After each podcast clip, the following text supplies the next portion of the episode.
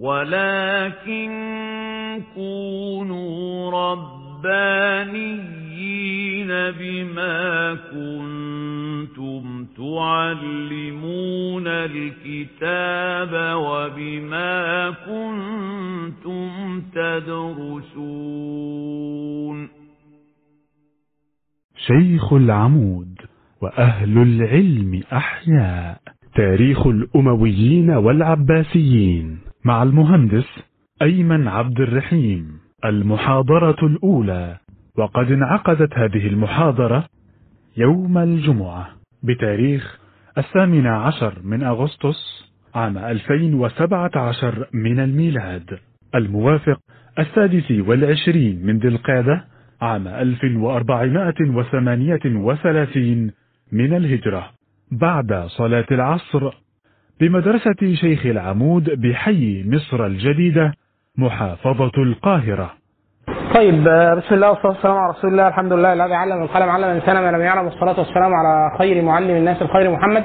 وبعد فيعني آه يعني مقدمة لابد منها يعني.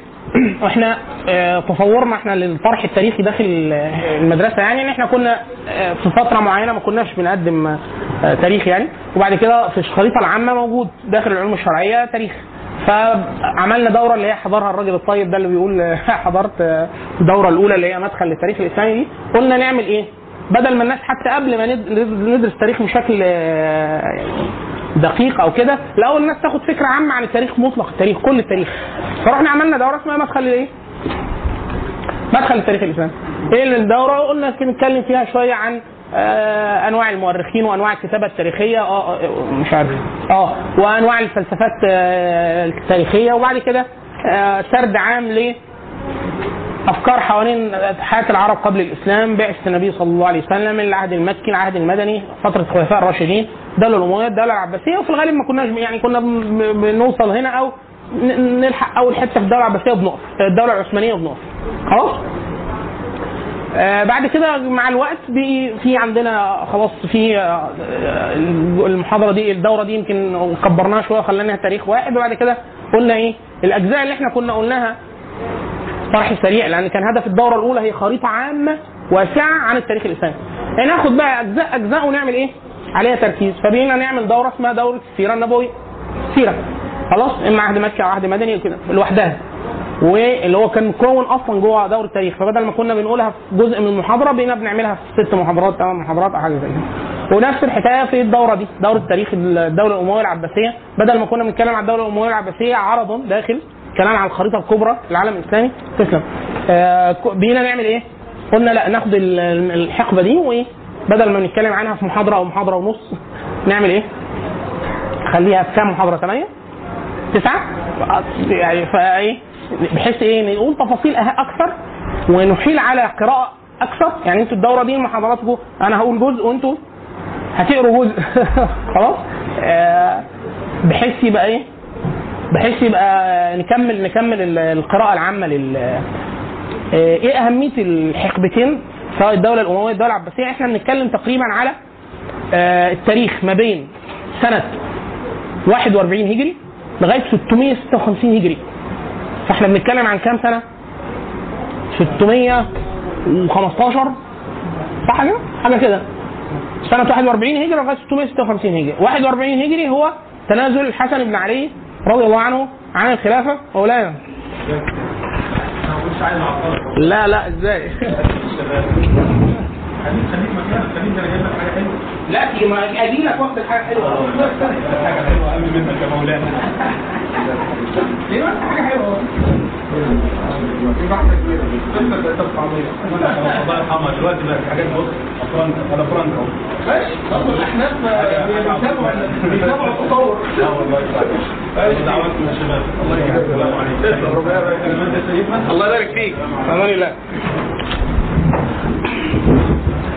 ف فاحنا بنتكلم عن حقبة تقريبا طويلة جدا. يعني 600 615 سنه فده مساحه إيه؟ هو؟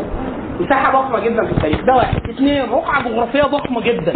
يعني إحنا أول ما نيجي نأرخ الدولة الأموية والدولة العباسية بنأرخ لأنهي مساحة؟ المساحات الآتي. الجزيرة العربية كلها. العراق والشام وأرمينيا وأذربيجان كلهم. خلاص؟ الشمال الأفريقي كله. مصر لغاية النوبة وتونس. وجزائر. وليبيا والمغرب واسبانيا والبرتغال وجنوب فرنسا. ده من الناحية دي. ومن الناحية الثانية كل دول الخانات اللي هي أي حاجة بتخلص بالسام ما عدا أفغانستان وباكستان وأفغانستان وباكستان وشمال الهند. كل ده أنا بتكلم فين؟ في الدولة الامويه العباسيه فمساحة الرقعة الجغرافية تقريبا كانت مغطية مثلا 75% من مساحة ال- العالم القديم. يعني حاشا الأمريكتين. فأنا بتكلم عن مساحه جغرافيه ضخمة جدا فطيب ده من ناحية الأهمية الامتداد التاريخي من ناحية الامتداد الجغرافي للدولتين الأخطر من كده ان تقريبا كل التشكلات العقدية والمذهبية والفقهية والعلمية تشكلت في العصرين دول يعني ما من مذهب فقهي معاصر موجود عايش لسه أصحابه في حد بيتمذهب بهذا المذهب إلا وأصله في هذه الحقبة. يعني إحنا عندنا إيه المذاهب الفقهية اللي موجودة عايشة لغاية دلوقتي تنتسب للإسلام فقهيه. عندنا المذهب أقدم المذاهب بتاعت أهل السنة مذهب الحنفي. بعد كده المالكي، بعد كده الشافعي، بعد كده الحنبلي، بعد كده المذهب الظاهري. الخمس مذاهب دول عايشين قاعدين. طيب من مذاهب تنتسب للإسلام ومش سنة شيعة عندنا المذهب الزيدي عندنا المذهب الإمامي أو الجعفري خلاص ده كله إيه موجود كل هؤلاء الأشخاص كانوا عايشين في هذه الحقبة خلاص كده؟ طب مذاهب كانت موجودة واندثرت فقهية أو عقدية؟ مذهب الاندثر كان موجود مذهب الليث بن سعد إمام مصر مذهب سيدنا سفيان الثوري مذهب الأوزاعي امام أهل الشام مذهب الإمام الطبري مذهب ابن شهاب الزهري مذهب كل هذه المذاهب كانت موجودة واندثرت وكل هؤلاء القوم كانوا موجودين في هذا العصر. طيب كل كتب التدوين كل كتب الدواوين دواوين السنة دواوين السنة الأساسية يعني معانا أقدم كتاب حديث وفقه وصل لنا حتى الآن الموطأ الامام مالك. ثم صحيح البخاري صحيح مسلم السنن الأربعة الترمذي وأبو داود وابن ماجه والنسائي ومسند أحمد وسنن الدارمي ومصنفين مصنف ابن أبي شيبة مصنف عبد الرزاق. وكل كتب كل دواوين السنن الأساسية مدونة في هذا العصر. ال- يا إما في آخر الأمة يا إما في أول العباسي فهو معظم التدوينات في عصر العباسي كل علوم الإسلام تقريبا دونت في هذا العصر. كل علوم الإسلام.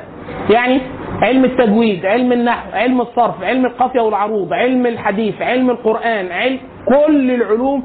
ترجمت في هذا العصر كل العلوم الطبيعية والفلسفات والعلوم الرياضيات والميكانيكا والهندسة التي إما ابتدعها المسلمين من الأول من من البداية أو أخذوا علوم موجودة عند أمم قديمة سواء الروم أو الفرس أو أو الهنود وترجموها وأضافوا إليها وبتاع الترجمات تمت في هذا العصر. وانشاء هذه العلوم في هذا العصر وتطور هذه العلوم في هذا العصر.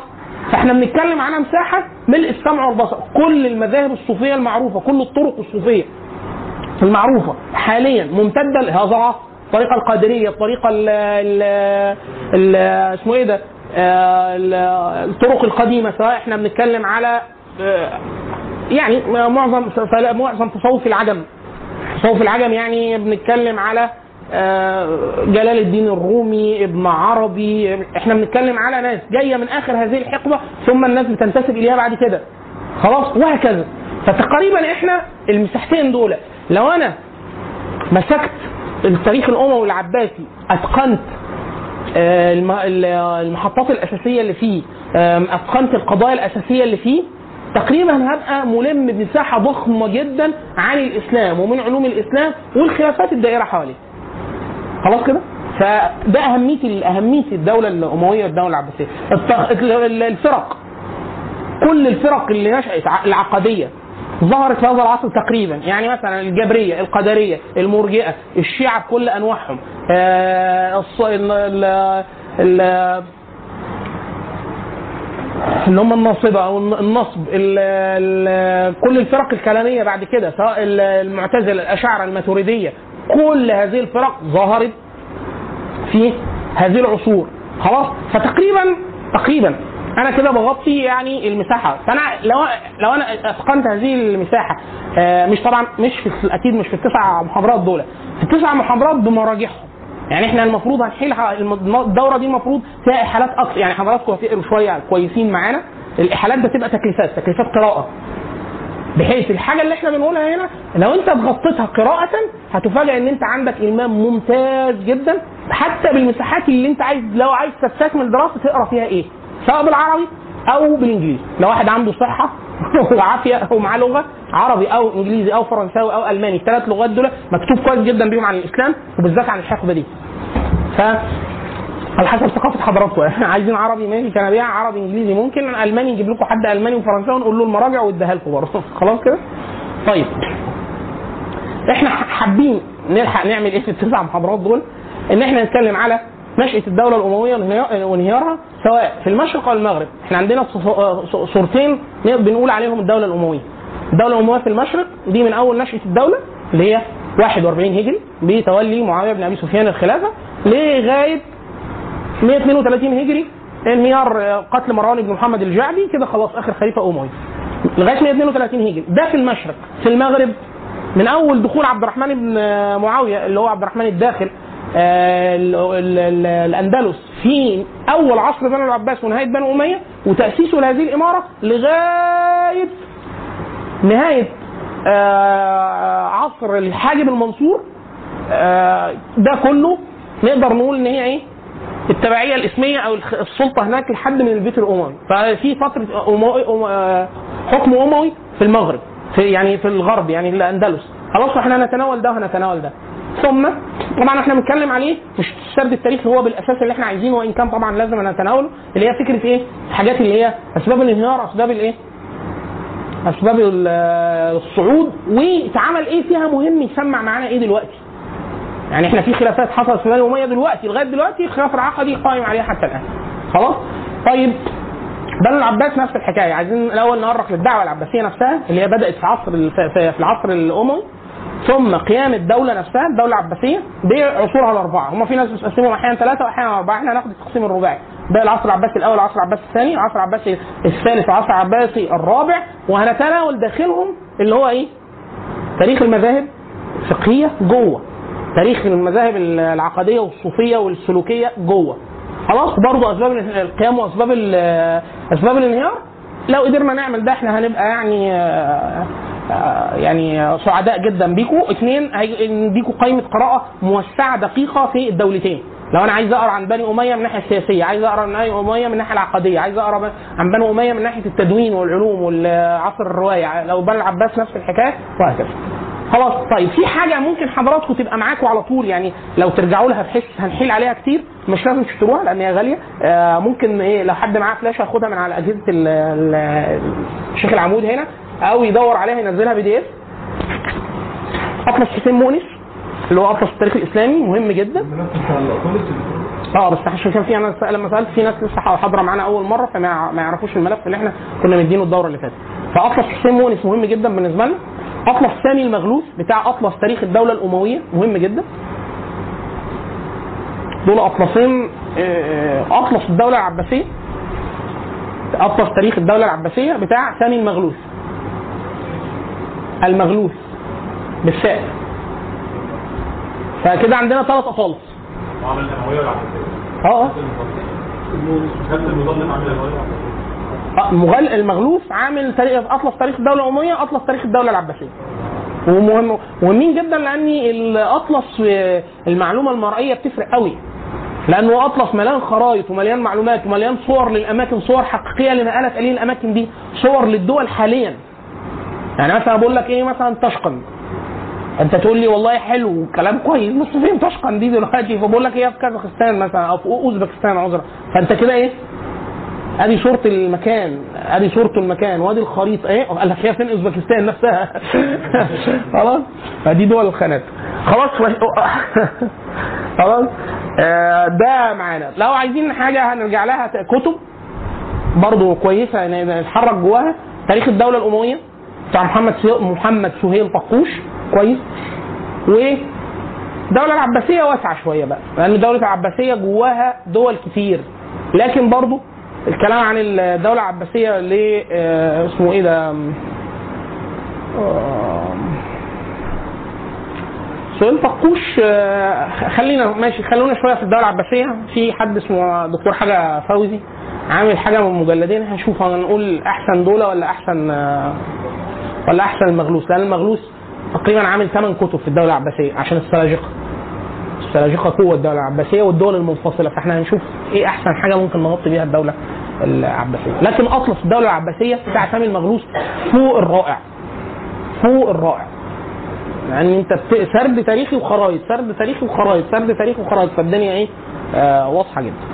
طيب. آه موقف موقع الفارس ده ده يعني عظيم جدا. حد يعرف فيكم موقع الفارس؟ موقع الفارس معمول بط- بطريقة إيه؟ خريطة تفاعلية موقع الفهرس بيعمل إيه؟ أنت بتقف عند الحتة جغرافيا وتقول له إيه؟ سنة كذا يطلع لك إيه؟ الحكم والدول والكتب اللي متصنفة وبتاع يعني حاجة حاجة داخلة عليها علوم يعني الخريطة وده شبه حاجة إحنا عايزين نعملها اللي هو أنت دايما لما إحنا نسرد التاريخ الناس بتتصور إن التاريخ السياسي بس طب في اللحظة دي كان العلماء القرآن بيعملوا إيه؟ علماء الحديث كانوا بيعملوا إيه؟ إيه العلوم اللي كانت بتعلم في هذا العصر؟ فالتاريخ السياسي أحيانا بيبقى إيه؟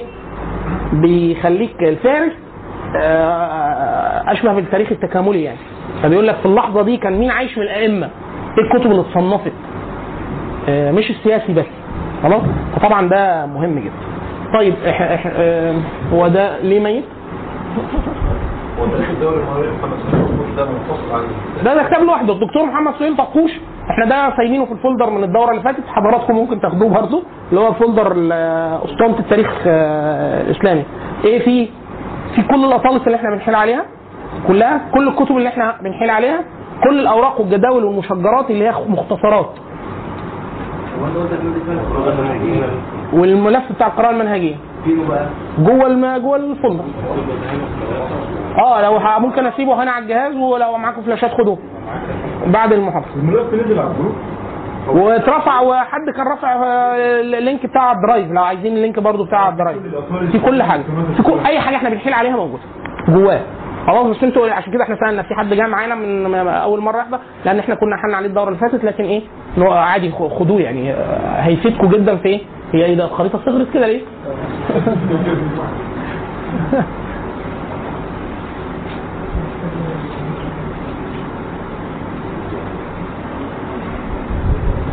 أنتوا كنتوا شايفين الخريطة؟ طب هو إحنا بعد كده عايزين يعني آه يعني وإلا الخ- الخرايط إحنا هنبقى محتاجين يعني أنا ما أقدرش أشاور لهم على حاجة دلوقتي. قال لك شايفها؟ قال لك هي فين الخريطة؟ كلها على مش النقطة اللي. عموما شايفين الخريطة؟ هذه المساحة هي أو أكبر توسع وصلت له الدولة الأموية في أعلى عصر من التمدد السياسي فعشان لما نيجي نتكلم جغرافيا آه، مفيش قلم ليزر ألعب بيه؟ قلم ليزر؟ طيب. لا لا ال آه يعني. بس هم ما دام مش شايفين الخريطة مش هيشوفوا ال- الكورسر يعني. آه لا ده عشان قريب. طبعا من أول ناحية هناك إسبانيا والبرتغال اللي هم آه، الأندلس يعني ده معانا. وبعد كده ال- المصطلحات الثلاثه ده إحنا هنستخدمهم. لما بنقول شمال الافريقي في العصر الأموي أو العباسي إحنا بنتكلم عن أربع حاجات جنب بعض. بنتكلم على مصر دي لوحدها. وبنتكلم على المغرب الأدنى والمغرب الأوسط والمغرب الأقصى. ثلاث مصطلحات. فبنقول مصر بمصر. المغرب ال ال الأدنى إحنا بنتكلم كده على إيه؟ على آه، برقة وطرابلس وممكن نكون رايحين كمان ناحية آه، ناحية آه، تونس. ال- المغرب الأوسط إحنا بنتكلم على الجزائر. المغرب الأقصى يبقى نقصد إيه؟ المغرب. البلد اللي هي حاليا شبه المغرب يعني في الحتة اللي فيها المغرب دي. أو أحيانا لو قالوا إفريقية يقصدوا تونس. اللي هي المغرب الأدنى. عشان كده إحنا بنقول المغرب الأدنى برقه وطرابلس. ليه إحنا بنقول التقسيمه دي؟ لأنه زمان لفترة طويلة جدا مثلا أيام سيدنا معاوية مثلا آه، في منتصف الوقت بتاعه كانت مصر برقه وطرابلس تابعين لمصر في الإدارة. بعد كده سيدنا معاوية فصلها لوحدها واتعملت حاجة لوحدها. وبعد كده بقيت في- ثلاث مغرب أدنى مغرب أقصى مغرب أوسط مغرب أقصى. خلاص كده؟ فالمغرب الأقصى والأوسط والأدنى ومصر ده الشمال الافريقي لغاية النوبة. تلاقوا مصر تلاقيها إيه؟ مرحبه شوية كده. وجزء من الشمال وجزء من الساحل ال- ال- الشرقي الأفريقيا ده برضو كان تبعهم. والجزيرة كلها طبعا الشام كله العراق كله اسيا الوسطى. آسيا الوسطى آه، عذرا آسيا آسيا الصغرى.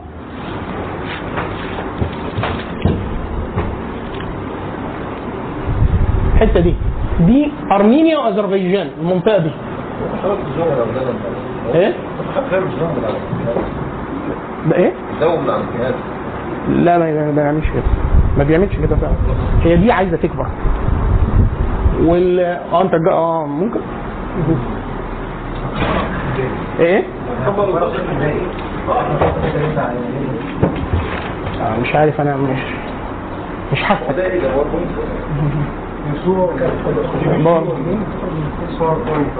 اخرج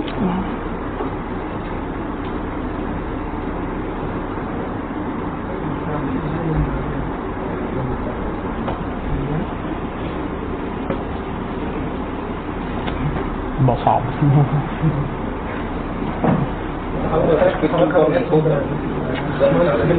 لا يا عمي لا لا لا ليه المرة الجاية إن شاء الله يحسنوا مكانه. خلاص. وإيران كلها وأرض السند اللي هي الشمال الغربي شبه القارة الهندية الكبرى حاليا وبلاد ما وراء النهر اللي إحنا بنتكلم ناحية آه، أفغانستان وما وراءها جزء من دول الخانات اللي هم حاليا آه، داغستان طاجكستان أوزبكستان آه، الحتت دي. خلاص كده؟ طبعا الصين لا إحنا كنا واخدين حتة من الصين حتة. بس ما تاريخيا ما المسلمين لم يتوغلوا بشكل قوي داخل الأراضي الصينية. خلاص كده؟ ده الشكل العام للخريطه طيب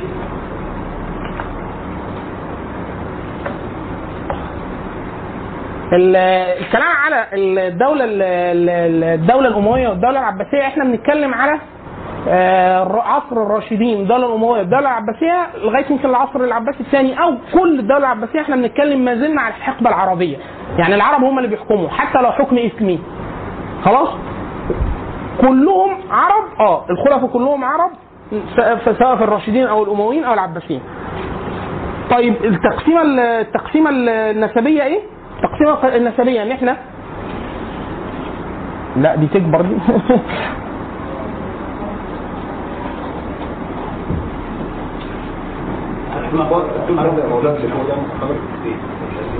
اخفيه إزاي؟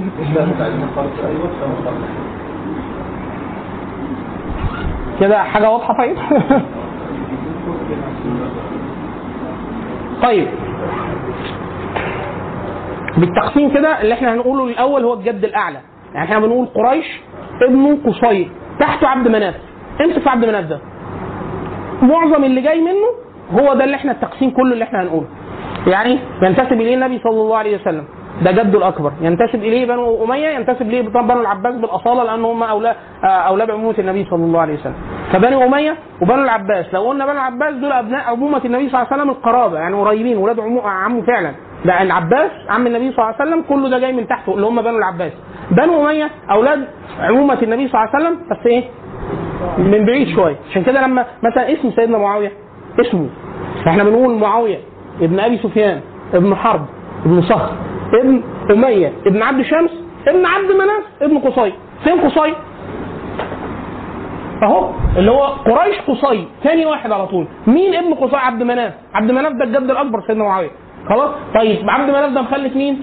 هاشم وعبد شمس عبد شمس ده مخلف أمية. أمية ده مخلف سيدنا أبو سفيان. أبو سفيان مخلف سيدنا معاوية اللي هو جايب كل الأمويين من بعده.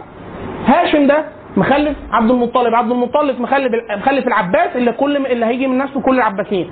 مخلف عبد الله اللي هو أبو النبي صلى الله عليه وسلم اللي هو تحته سيدنا سي- سي- سيدنا علي سي- سيدة فاطمة يعني عندنا الحسن والحسين بعد كده كثير جدا من العلويين اللي هم أئمة الشيعة ده خارج المساحة بتاعتنا أو لما يتقاطع معنا هيبقى في علويين في وقت العباسيين دول من نسل أولاد علي بن أبي طالب أولاد الح- سيدنا الحسن والحسين. فيبقى إحنا عندنا كده عبد مناف ده هتلاقي نازل منه إيه؟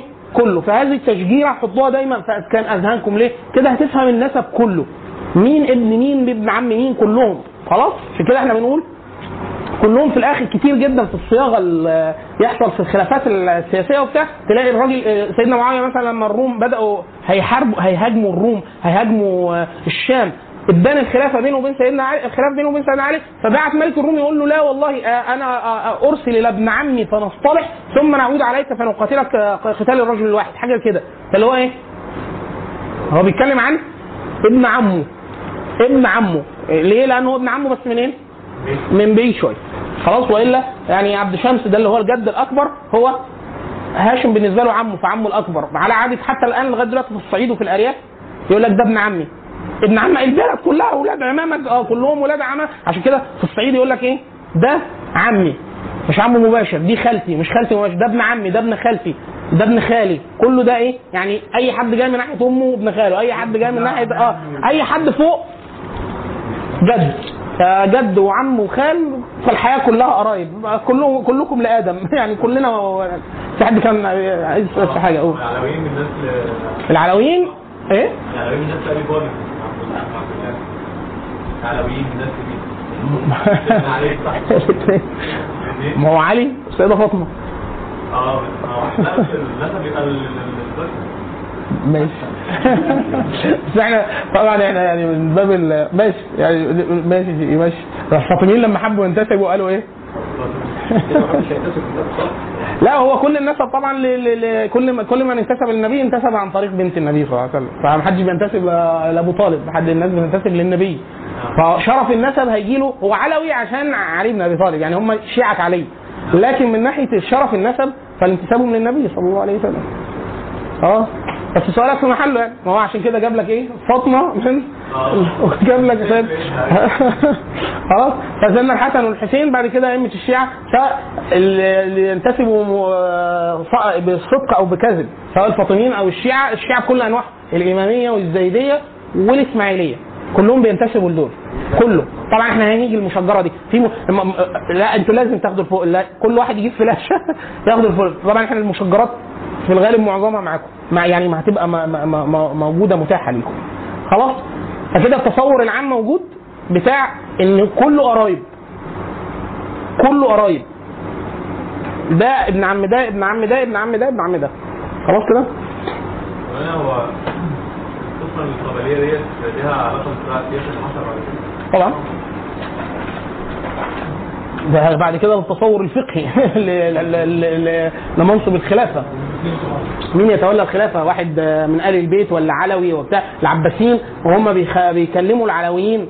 يقول لهم إن إحنا أولى منكم بالخلافة. فيقول له أنا مش مش أنا اللي هقول لك. اسأل المواريث. يعني ابن العم ولا العم أقرب؟ فعلي ابن عمه. العباس عمه. فمين أقرب بالحكم وصلت الموضوع. وصل لدرجة إيه؟ فلا الموضوع ده مهم جدا. التشجيرة دي مهمة جدا. عشان تتصور الناس هتفكر إزاي. مش لازم يكون صح. بس إيه؟ إن هو دول دول نسل بنو العباس دول نسل علي بن أبي طالب من نسل السيده فاطمة وسيدنا علي. دول نسل بنو أمية. ده جاي منين أمية ده؟ خلاص إحنا بنقول خلاص يبقى كده معاويه بن أبي سفيان ابن ابن صخر ابن حرب ابن أمية ابن عبد شمس ابن عبد مناف ابن قصي خلاص عبد مناف كده آه أيوه أيوه عبد أيوه هات عبد مناف لأنه ده ده نسب النبي صلى الله عليه وسلم. ما هو إحنا بنقول إيه؟ محمد بن عبد المطلب بن هاشم ابن عبد مناف ابن. يعني إحنا كده. وإلا في ممكن إيه؟ تلاقي النسب يقصر مش كده لما نتكلم على عثمان بن عفان؟ اول ما ترفع النسب تلاقي إيه؟ جه عند الجد السابع مثلا وخلاص توحد مع النبي صلى الله عليه وسلم. ليه؟ كلهم قرابة. في الاصل يعني في قريش ده مجمع الناس كلها. قريش دوت كان فاني فقره زمنيه ما بين سيدنا محمد وبين سيدنا إسماعيل. لا دي عايزة انهي حقبة زمنية صعب أنهي ترتيب بالعد ماشي لأن إحنا مش عارفين الناس كانت بتعيش قد إيه. يعني قريش الاسم مش النسب بتاع النبي ما سمعتش فيه قبل كده اسم قريش. هو ده اسم آه لا ده ما هو دي اسمين آه. آه خلاص؟ طيب. آه صلى الله على محمد. أيوه. هو ال- الحجاج تولى العراق وما تولاش اماره المؤمنين الاماره عامة؟ الحجاج لا. امير لا. امير الحجاج ولي العراق بس. هو- ده هو مش أموي. خلاص كانت قفلت يا مولانا دي ملك. ما حدش يتولى الخلافة إلا واحد من بني أمية. خلاص؟ طيب. إحنا بنتكلم على عايزين يعني نستهل الكلام على إيه الأسباب التي آلت بال- بالخلافه ل آه، يعني لناحية الأمويين. نفس اللي آه المشجرة. آه طيب إحنا بنقول إيه؟ النبي صلى الله عليه وسلم لما آه توفي آه ظلت الخلافة الراشدة لمدة 30 سنة. مين الخلفاء الراشدين؟ بنقول أبو بكر وعمر وعثمان وعلي والحسن بن علي.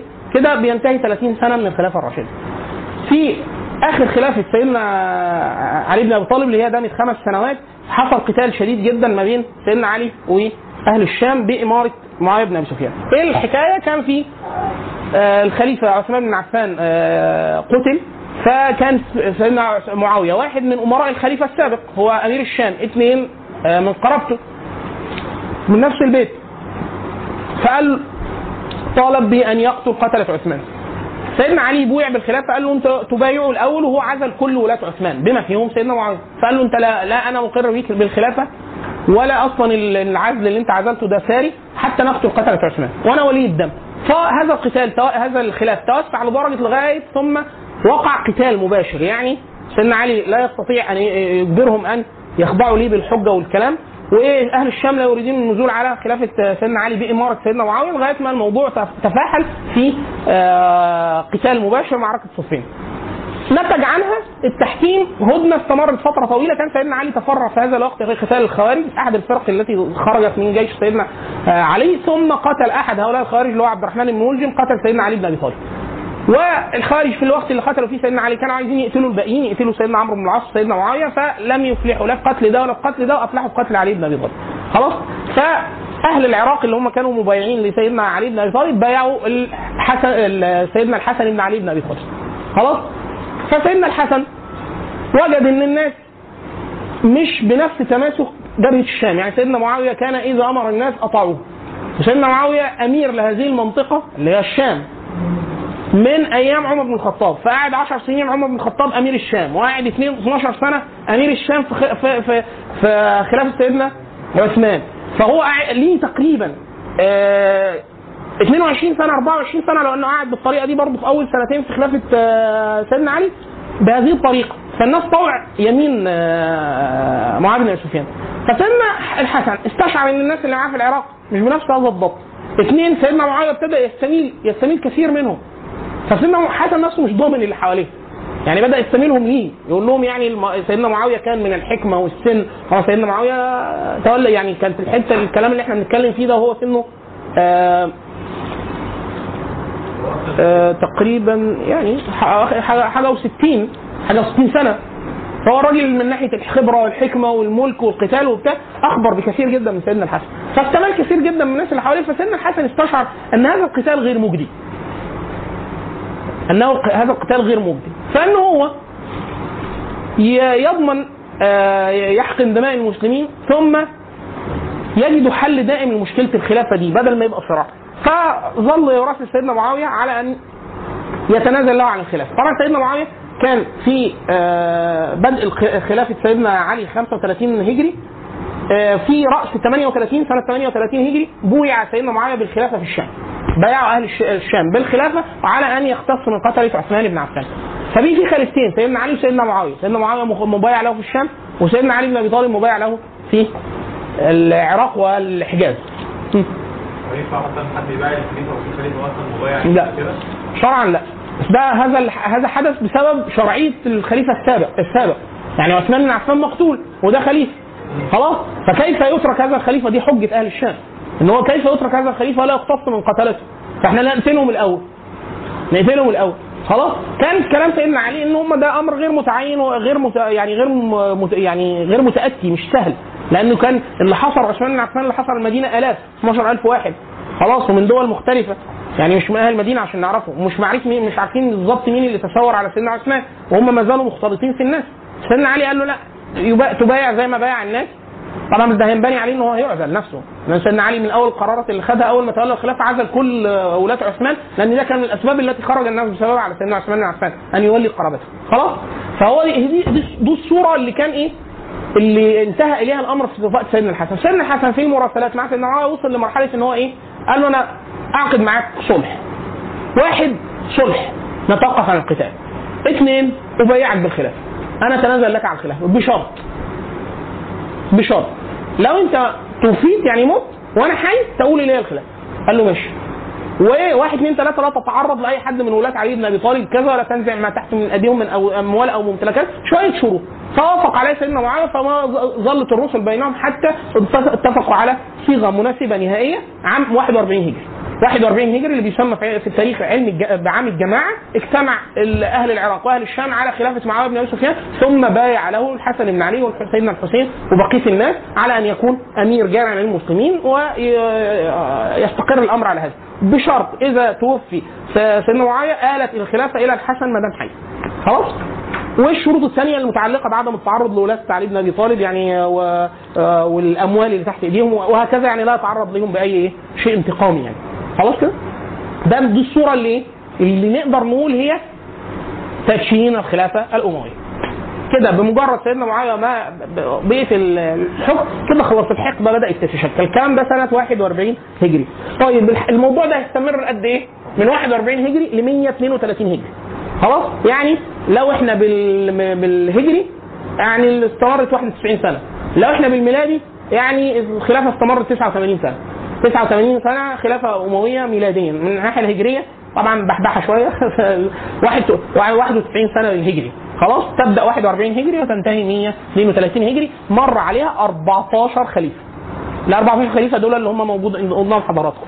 اللي هم معاويه بن أبي سفيان يزيد بن معاوية معاوية الثاني آه، مروان بن الحكم عبد الملك بن مروان الوليد بن عبد الملك سليمان بن عبد الملك سيدنا عمر بن عبد العزيز يزيد بن عبد الملك هشام بن عبد الملك الوليد يزيد الناقص بعد كده مروان بن محمد الجعدي. لو عديناهم يطلع 14 1 2 3 4 5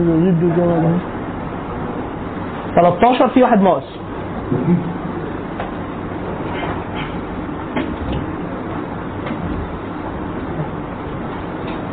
ومخبيين واحد يا بيه.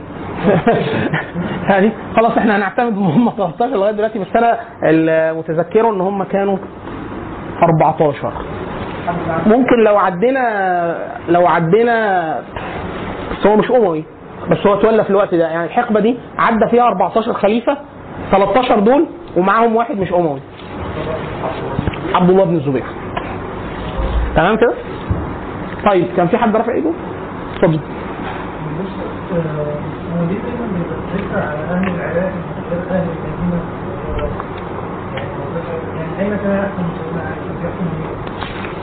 هو كان نفسه يحكم لسه هيبدأ ما حكمش قوي يعني.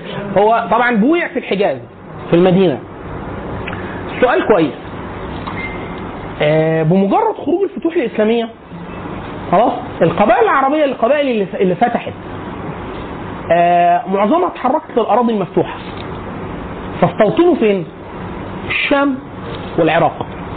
فالكتلة الضخمة من القبائل المهمة ناحية العراق. تمام؟ فالقوى العسكرية اللي كانت تقدر تبايع و...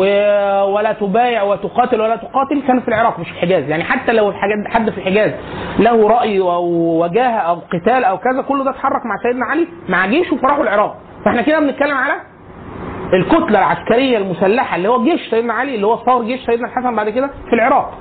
فإحنا بنتكلم على أهل العراق على أساس إن هم مضمن فيهم أصحاب الوجاهة والسلاح وبتاع من الحجاز وإلا الكتل الضخمة العرب لما نزحوا في الفتوح كل الكتل ال- ال- ال- اللي هي القيسية واليمنية بالأساس اتحركوا بالكتلتين دول وتلاقيهم راحوا اتفردوا فين؟ راحوا شوية وده سيدنا معاوية كان هيعمل حاجة أكتر من كده. ده هياخد حتت كاملة ويوطنها في حتت الثغور فكرة الثغور هيقول لك دول الروم مين يحاربهم فياخد مجموعات كبيرة جدا هيغريهم بالمال والمكانة وبتاع ويديهم أراضي يزرعوها ومش عارف إيه ويحطهم في الحصون على الثغور وفي ناس منهم هتروح مباشرة لغاية ما تخش تستوطن الأندلس وفي ناس هتيجي مصر. وفي ففكرة التوطين دي. فإحنا بنتكلم على العراق يعني كل القوات اللي اتحركت مع سيدنا علي عشان يرتطم مع أهل الشام فدول كانوا أهل العراق. بس لكن وإلا طبعا أهل حلوا العقد ومعظم الصحابة الكبار والعلماء وكذا كانوا فين؟ في والحجاز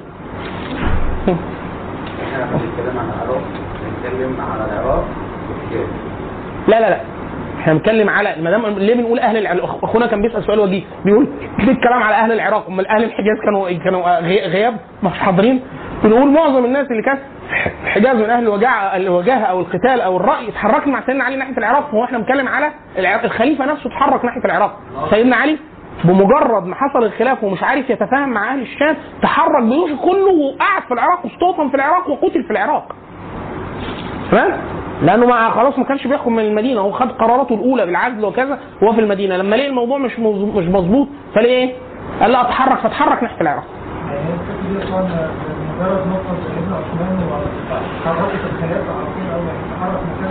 مجرد هو كان في سبب وجيه وقتها إن سيدنا علي معظم المجموعات اللي حاصرت سيدنا معاوية كانت مجموعات غريبة على المدينة وقاعدة في المدينة. كوفيين وبصريين ومصريين. كوفة والبصره ومصر. فهو عايز يتحرك. هم كده كأنهم حاصرين ال- الخليفة زي ما حاصرين عثمان مع عثمان. خلاص؟ وعايز يحشد الناس كل القبائل وهو بيتحرك. فكان يقابل الناس يقنعهم يتحركوا معاه يتحركوا معاه. حتى المنافقين يتحركوا معاه. ثم استقر في العراق وقعد معظم الفترة بيحكم من العراق تمام؟ حتى قتل في العراق. قول. اولا آه، قبيلة زي- يعني حاجة كبيره زي تميم اللي هو يقال إن دلوقتي دول بعث النبي كان تميم كان قال لك لولا لو تأخر الإسلام لأكلوا بنو بنو تغلب الناس. آه يعني آه، قبيلة كبيرة زي دي ما كانش لها تأثير مع الإسلام بسبب مثلا حاجات زي حروب الرده وصف لا ليهم تأثير. التأثير بدأ مباشر مع عهد خلافة عمر لأن عمر ضم كل اللي شاركوا في حروب الردة في الفتوح.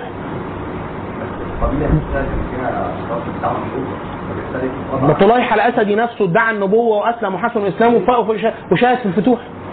شارك في الفتوح. حاجة زي كده مش لغز ولا حاجة. الع- العرب الع- العرب يعني معظم الأعراب يعني الذين لم يهذبهم الإسلام لما دخلوا في دين النبي صلى الله عليه وسلم في عام الوفود آه، رغب أو رهب. عشان كده بوفاة النبي صلى الله عليه وسلم ارتد معظم الناس اللي هم دخلوا في الوفود. ولم يستقيموا إلا مع سيدنا أبو بكر الصديق لأن هو لقوا الموضوع إيه؟ لا ده دين مش لعبة. يعني مش مجرد صلح ولو لما صاحب الصلح مات مات. هم قالوا كده.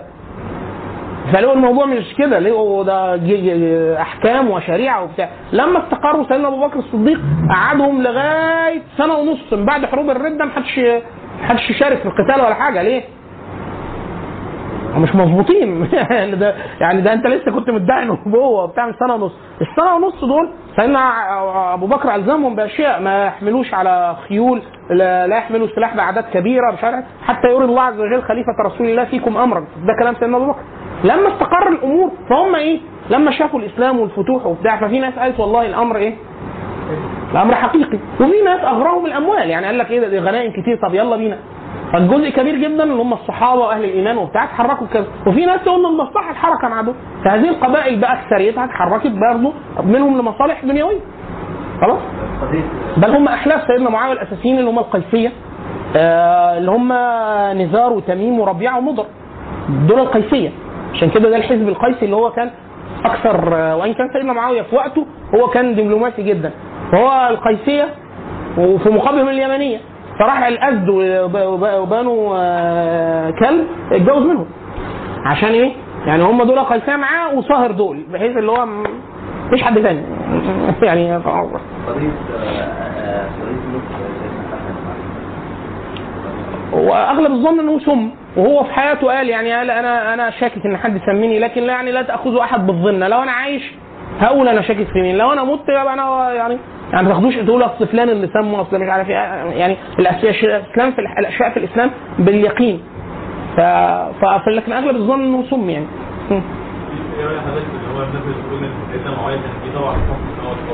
لو إيه؟ من أول؟ من أول الفتنة نفسها.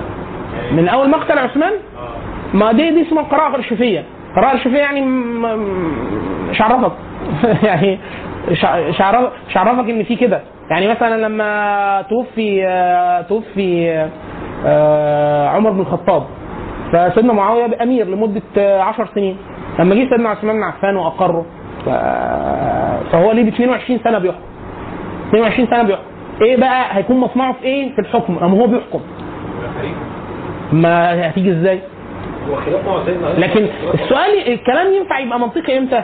لما بدأ القتال مع سيدنا علي وسيدنا علي عزله والأمور تطورت لأن ممكن بسهولة هو يعني هو بسهولة ممكن لو ادعى الخلافة ومعاه ناس تقوم بهذا ممكن يقوم بده. ممكن ده يتقال بل فعلا حصل لأنه في سنه 38 هجري. في حياة سيدنا علي هو بويع بالخلافة في الشام. خليفة بن خياط في تاريخ خليفة بن خياط بيقول كده يعني. خلاص؟ يعني ينفع يتقال كده. ينفع تقول تقول إن هو رأى إن الأمر سهل. ممكن يعني إيه؟ لا هو سيدنا علي عارف يحسم الأمور.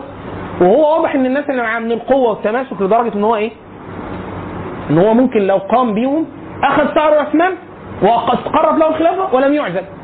يبقى كده كسب كل حاجة.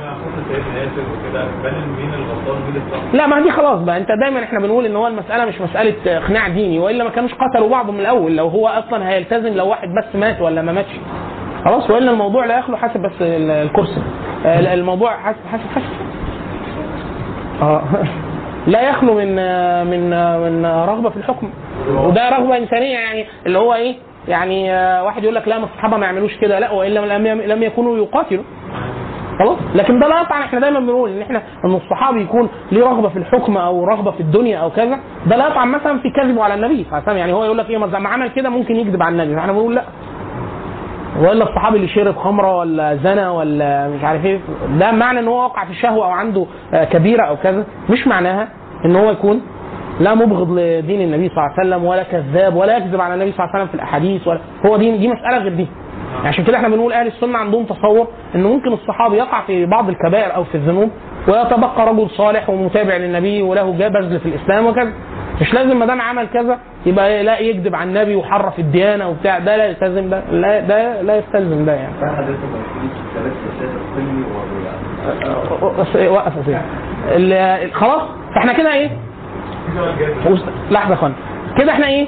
يبقى دي اللقطة اللي هو نقدر نقول تم تدشين فيها الخلافة ال- ال- الخلافة الامويه بمجرد استلام سيدنا معاوية للحكم عندنا بقى إيه؟ الثلاث مكونات الأساسية اللي موجودة. إحنا عندنا حاجة اسمها الخوارج دول قاعدين معانا. الخوارج دول كفروا سيدنا معاوية كفروا سيدنا علي. كله كفار إلا هم. فده عندنا حاجة دي كتلة. اثنين كتلة أهل الشام اللي هم أهل بيعة سيدنا معاوية وأهل القتال وبتاع فدول نواة صلبة متماسكة فهو معاه إيه؟ جزء ممتاز جدا. ثم كل الناس اللي كانوا شيعة سيدنا علي شيعة يعني أتباعه ومواليه والمائلين إلى آه، سيدنا علي في القتال دول مجموعة بما فيهم الصحابة والتابعين وكل الناس اللي حاربت مع سيدنا علي. خلاص؟ سيدنا معاوية كان قدامه هذه الكتل الأساسية. خلاص؟ والقبائل العربية لأنه ما زال العرب عندهم نفس ال- ال- التوزيع القبلي والرغبات القبلية وبتاع. سيدنا معاوية استمال معظم القبائل يعني هو أصلا العصبة بتاعته قيسية. فالراجل استماله واستمال اليمنية التانيين اتجوز منهم. وعمل أهل البيت اللي هم سيدنا الحسن والحسين معاملة حسنة جدا لأن هو الراجل ده هو اللي تنازل ليه عن الخلافه ف آه، يعني إيه ممكن هذا الرجل لو تع- معاملة مش حتى عشان كده لما حصل سيدنا في وقت سيدنا معاوية الناس اشتكت من الظلم وكذا من ولاد سيدنا معاوية في العراق راحوا شكوا سيدنا الحسن ليه؟ لأن سيدنا الحسن ممكن يقول له أنا لم ابايع يعني لم أبايعك ولم أتنازل لك عن الخلافه عشان تفعل واحد اثنين ثلاثة أربعة فإيه؟ ليه وجهه أو وزن أو كذا خلاص دي دي الخريطة الأساسية. والمشكلة الأكبر من ده إن هو إن القتال أو الجهاد في سبيل الله توقف من نهاية عصر آه، عثمان بن عفان لمدة سيدنا علي كلها خمس سنين بسبب الاقتتال الداخلي. فأنت عايز تعمل إيه؟ تعود للقتال الخارجي. المشكلة الأكبر من ده كمان إن سيدنا معاوية تغير مركز الخلافة. فبدل ما كان الخليفة لغاية عهد عثمان بن عفان في في المدينة هو دلوقتي بقي في الشام. في نفس المقر الإماري الجديد بتاعه ده. خلاص؟ المشكلة إن الشام دي حتة مش حلوة من الناحيه الجغرافيا السياسية. ليه؟ جنبه الروم على طول. فجنبه السواحل وجنبه ديار بكر وأرض روم والطريق بري كله لغاية القسطنطينية. فلازم أنت تعمل مجهود حربي غير عادي عشان آه. ونفس الموضوع عايز تعمله ناحية الفرس وبتاع بس خلاص الفرس الفرس انكسروا فأنت عايز تشوف الممالك اللي بعدهم. المشكلة إن أنت عشان تتحرك في المساحة دي كل أهل المناطق دي اللي تم ت- تسبابهم وليهم أوزان وبتاع دول يعتبروا أهل العراق. يعني الناس دي بينك وبينهم مفيش عمار. فأنت لو عايز تتحرك ناحية المشرق هتتحرك على الناس دي. ده الجزء الاجتماعي اللي أنت هتستنفره وتحركه وبتاع. فأنت عندك مشكلة في الفتوح ناحية المشرق بسبب أهل العراق. وناحية الروم عايز تبذل جهد غير عادي عشان تكف الروم. عن السواحل سواحل الشام وسواحل مصر لأن هم عمالين يتحركوا إيه؟ سواحل جزر ويجوا لك أو عن طريق البر مباشر على طول من قسطنطينية لغاية سوريا. فأنت دي كلها كل دي مشاكل استلم سيدنا معاويه طبعا استخلف من عام 41 هجري إلى عام 60 هجري. رحمك الله. عام 60 هجري. ال 20 سنة بتوع خلافه سيدنا معاويه دول ظل الرجل يعني في جميع الملفات نقدر نقول إن هو نجح نجاح يعني باهر. في آه، لو بال- بالترتيب مثلا الخوارج طبعا من أول من أول آه، من أول آه، قتلهم لسيدنا علي واستتباب الأمر لسيدنا لسيدنا معاوية هم كانوا بيكفرون كلهم وعايزين يقت- يقتلوهم كلهم نجحوا إنه يقتلوا واحد. والتاني لسه قاعد سيدنا معاوية وبقي خليفة. هم مكفرين من الأول يعني ده الراجل خلاص فاستمر خوارج البصرة وخوارج الكوفة إيه في خروجاتهم على سيدنا معاويه طبعا سيدنا معاويه طبعا المجموعة بتاعت الشام اللي معاه نواه صلبه جدا نواه طول طول عمرها على الثغور بتقاتل وبتاع. فهو يعني ما فيش مرة لقاء حصل ما بين ما بين آه، قيادات القيادات العسكرية بتاعت سيدنا معاويه والخوارج إلا وكانت الغلبة بشكل واضح جدا ليه. جيش سيدنا معاويه لكن الظاهرة لم تنقضي ودي حاجة مهمة جدا إن ظاهرة الخوارج مستمرة دائما. اللي هي فكرة إيه؟ واحد يرى إن هو مسلم والباقي كل المسلمين كفار. وله فهم معين للشريعة وللديانة وللعقيدة وماشي إيه؟ طب الصحابة قاعدين يا بيه. طب اللي نزل فيهم القرآن موجودين. طب طب اسأل سيدنا عبد الله بن عباس. طب اسأل حد. يعني الصحابة نفسهم الماشي كلكم كفار أنا مسلم وماشي. فالظاهره دي موجودة يعني إيه لا تك... بل حديث النبي صلى الله عليه وسلم لما قال يخرج من ضئضئ هذا فذو الخيسره التميمي هي ظاهره لا تتوقف.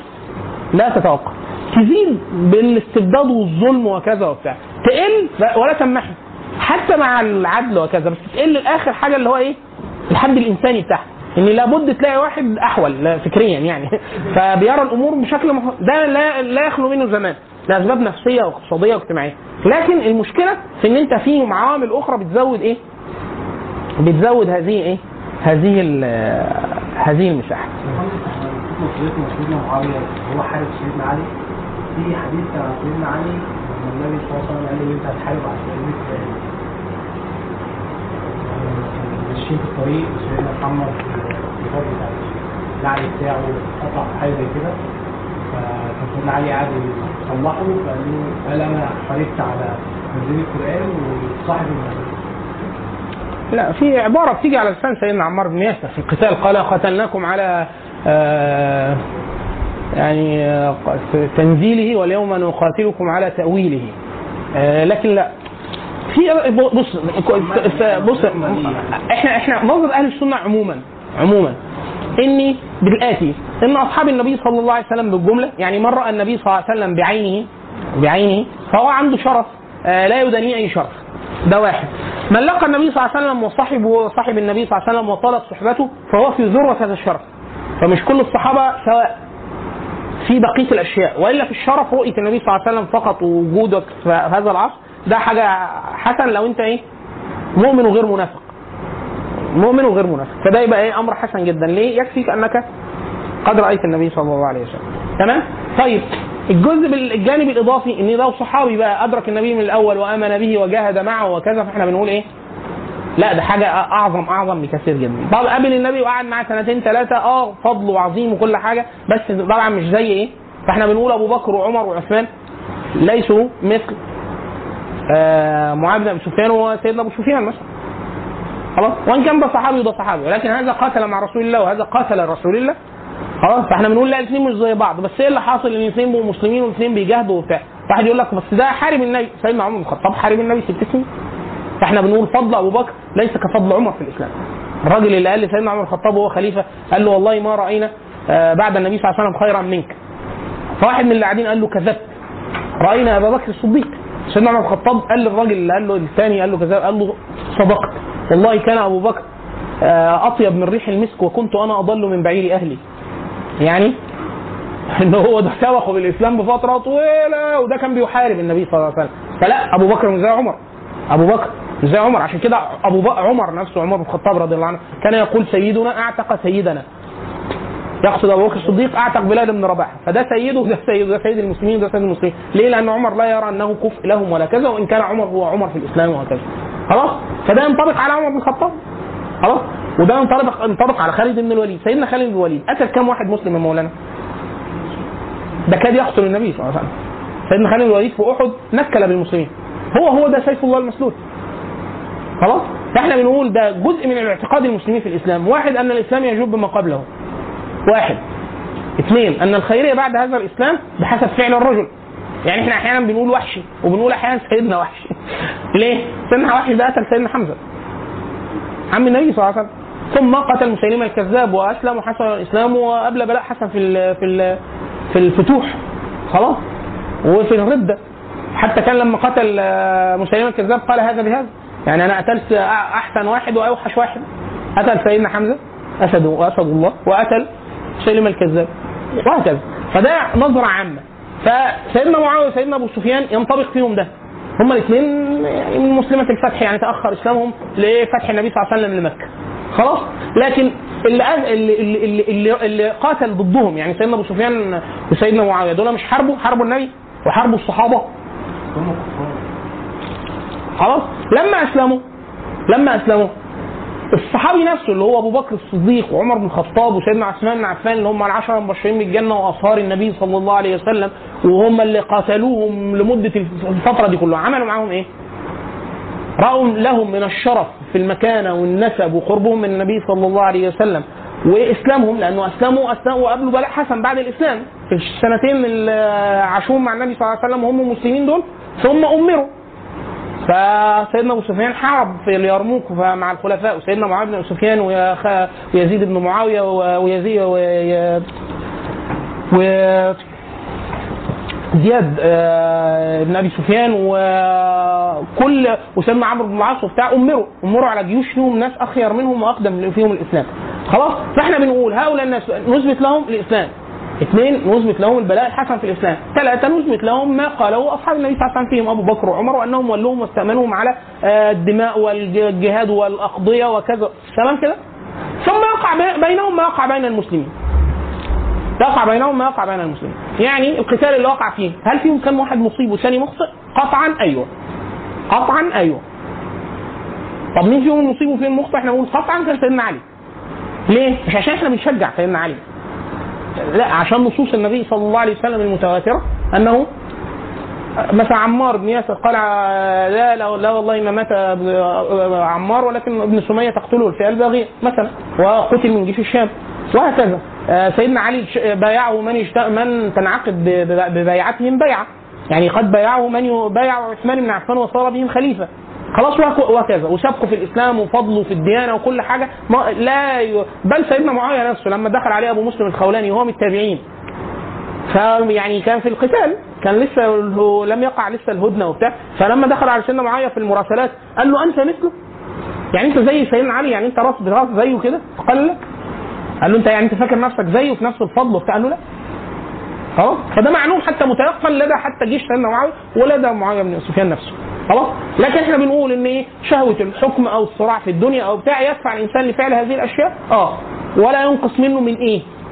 من الفضل. فضل في إيه؟ في الجهاد والتصديق بالنبي صلى الله عليه وسلم وفتح الأراضي والجهاد واول واحد غزا في البحر وكذا. إحنا ده وده هو هو, هو عند ربه يحاسبه الله عز وجل على ما أخطأ فيه أو حتى تعمد الخطأ.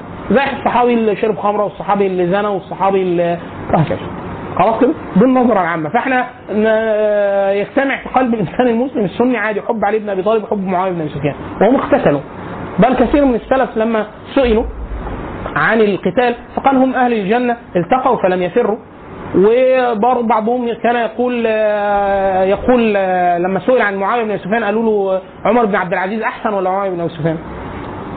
فقال والله لو رايتم معاوية لقلتم المهدي. أنت بتقارن بين واحد تابعي وواحد صحابي؟ قال معاوية بن سفيان هو هو معاوية بن سفيان ده هو اللي صلى وراء النبي صلى الله عليه وسلم كذا وكذا يعني يقصد سنة وسنتين والنبي صلى الله عليه وسلم يقول في الصلاة سمع الله لمن حمده فيقول معاوية ربنا ولك الحمد. فبيقول له ده صلى ورا النبي صلى الله عليه وسلم. مرة ثاني حد قال له آه، معاوية أحسن ولا عمر بن عزيز؟ قال التراب الذي وطأه النبي صلى الله عليه وسلم بقدمه فدخل في منخار معاوية دخل في مناخيره يعني هو أحسن من عمر وأمه. يعني أنت بتقارن صحابي رأى النبي صلى الله عليه وسلم وقاتل معه بواحد تابعي مهما بلغ فضله؟ خلاص؟ فهي هي دي الفكرة. آه، بل سيدنا خالد بن الوليد النبي صلى الله عليه وسلم حديث آه، لا تسبوا أصحابي ده اتقال لسيدنا خالد. اتخانق مع واحد صحابي سيدنا خالد متأخر في الإسلام. طبعا سيدنا خالد طلع عينين المسلمين زمان واسلم وحسن الإسلام. فلما أسلم سيدنا خالد يعني ابن الوليد يعني ناحيه الشرف والمكانة في الإسلام زي سيدنا أبو ذر لما شتم سيدنا بلال شتمه في الإسلام. آه سيدنا أبو ذر هو من هو بس هو كانوا غفار غفار دول يعني كانوا ناس ناشفين قوي في الجاهلية. فشتموا وحتى النبي قال له قال له اساببته بأمي؟ قال نعم. قال إنك في إنك امرؤ فيك جاهلية. في جاهلية؟ آه في جاهلية. وإلا كل المعاصي من الجاهلية. لكن ده لا ينقص من خيرية لا ابو ذر. وأبو ذر ده اللي اتقال فيه النبي صلى الله عليه وسلم قال ما قلت الخ- الخضراء ولا ظلت ما قلت الغبراء وما ظلت الخضراء؟ رجل أصدق لهجة في الله عز وجل من أبو بكر من سيدنا أبو ذر الغفاري. خلاص؟ فده يجتمع يجتمع ينفع ينفع الواحد ده يعمل ده ويعمل ده. سيدنا خالد الوليد لما سب واحد من الصحابه كان النبي صلى الله عليه وسلم قال له إيه؟ قال له إيه؟ يعني آه، دعوا يعني دعوا لي أصحابي فوالله لو أنفق أحدكم يقصد خالد. وخالد صحابي صاحب النبي صلى الله عليه وسلم. فإحنا بنقول لا مش كلهم زي بعض. خالد زي بلال بس الاثنين صحابة. والاثنين يجتمع فيهم شرف لقيا النبي صلى الله عليه وسلم والصلاة وراءه وبركة الدعاء والمغفرة العامة. ينفع الاثنين. فده أسد ده سيف الله المسلول وده بلال بن رباح وهو هو من هو في الإسلام. لكن ده غير ده. ودي أمور عند الله عز وجل. عشان كده أنا بقول لك هي المسألة إن إحنا الرؤيه بتاعت أهل السنة مركبة شوية. يعني اللي هي فكرة إيه؟ آه يجتمع في الإنسان. أنا بحبه هو قد فعل أشياء وأنا أعلم إن هي خطأ وكذا.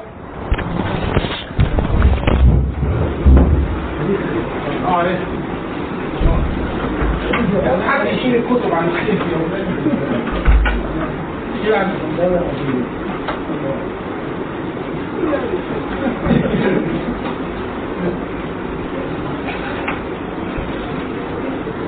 فقد يكون الرؤية دي مربكه شوية. ليه؟ لأن أحيانا الناس بتحب التعامل الرياضي.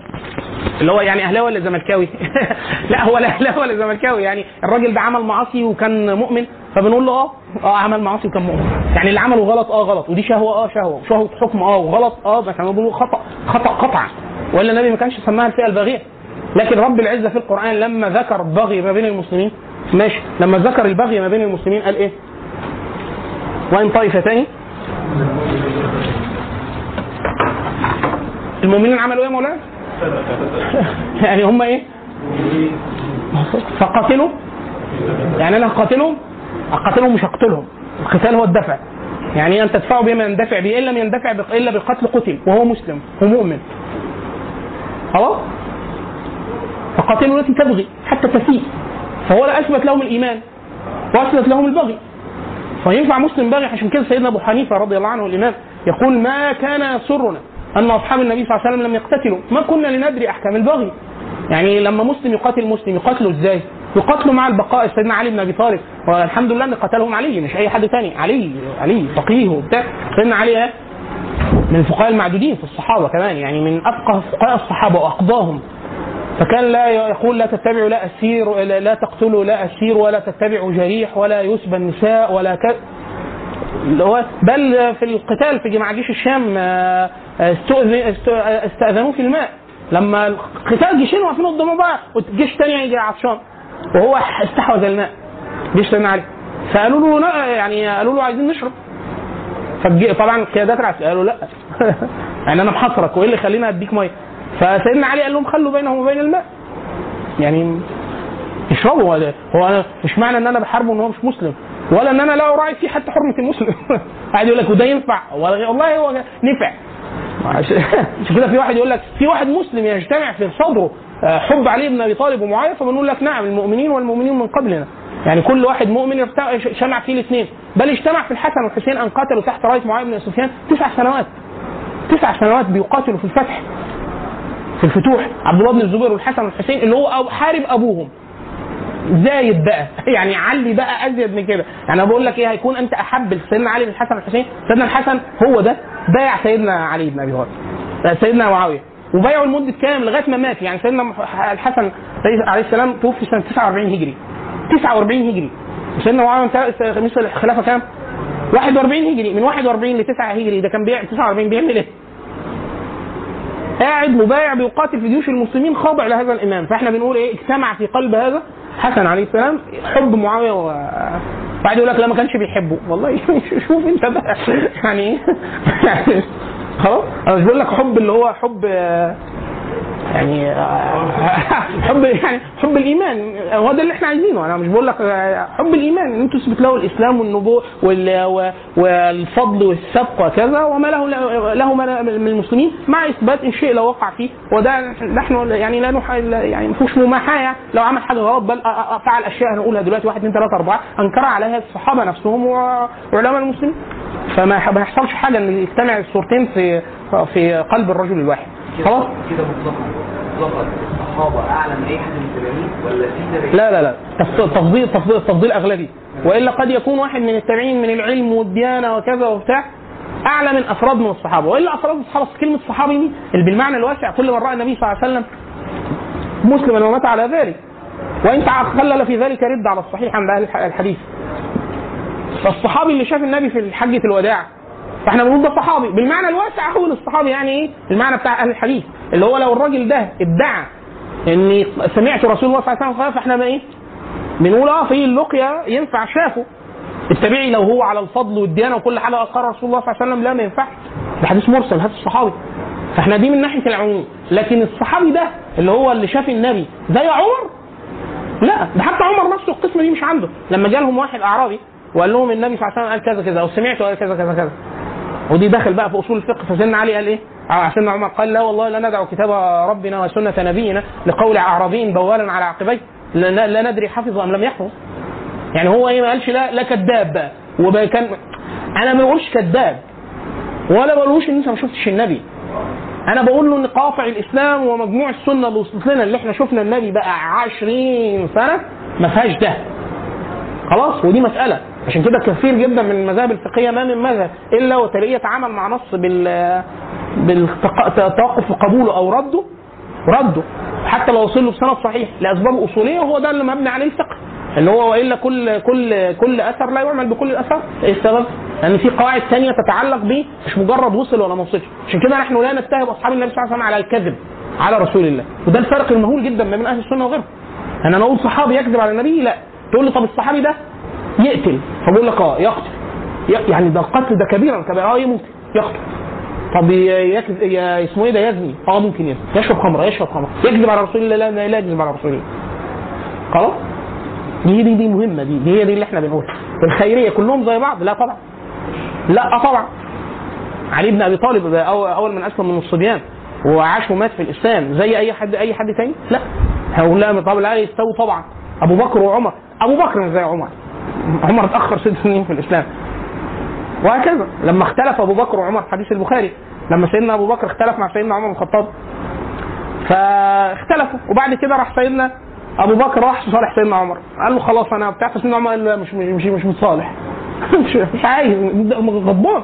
سيدنا أبو بكر راح للنبي يشكي له ويقول له يعني صلح بينا فلما هدي شوية سيدنا عمر فقال إيه؟ لا أروح أصلي.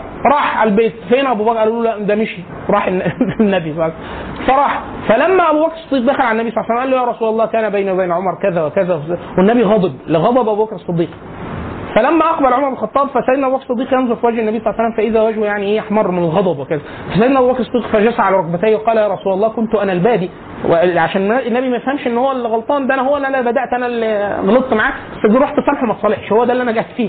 فلما قدم عمر بن الخطاب دخل على النبي صلى الله عليه وسلم فقال النبي صلى الله عليه وسلم يا- عمر كذبتموني. وقال صدقت. وواني بنفسه وماله وولدي ألا تركتم علي صاحبي؟ ألا تركتم علي صاحبي؟ ألا تركتم علي صاحبي؟ حديث في البخاري فيقول الراوي فما أوذي أبو بكر الصديق بعدها قط. حد يقول أبو بكر؟ بلاش أبو بكر عشان إيه؟ خلاص فاحنا بنقول أبو بكر مش زي عمر. حاشا إن إحنا نقول إن معاوية كان زي سيدنا علي. بل معاوية نفسه ما قالش كده. بل لما سئل صراحة قالوا له أنت مثله؟ أبو مسلم الخولاني في الحديث. قال له أنت مثله؟ قال لا. لا يقول عقل ده. بل سيدنا عبد الله بن عمر لما سيدنا معاوية بعد مقتل سيدنا علي كان بيمهد في آخر يعني إن هو هيقول إن هو يعني إيه هيبايع نفسه بالخلافة. فبدأ إيه يمهد لده في المجال العام. فقال يعني إيه من كان احق بالخلافة منا. فلي يعني إيه يظهر لنا بقرنه أو برأسه يعني حاجة زي كده. فكان في الجامع عبد الله بن عمر.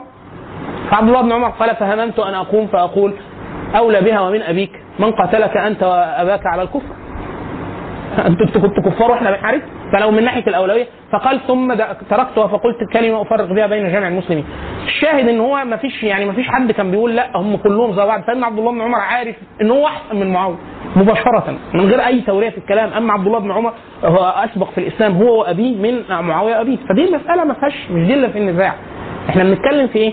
إن واحد زي سيدنا الحسن واحد زي سيدنا الحسين هم أولاد سيدنا علي اللي قتلوا سيدنا معاوية هذه الفترة ولم يبايع ليه بايعوا هذا الرجل بالخلافة. سيدنا الح- حسن لغاية ما يتوفى لغاية 49 من 41 ل 49 مبايع ليه ويدخل عليه ويقاتل في جيوش وكذا. وسيدنا الحسين كل بقيه الخلافة يعني بعد 11 سنة تاني. كل ده فاحنا بنقول آه اجتمع في هذا ما نقوله سيد حسن الحسين تمام؟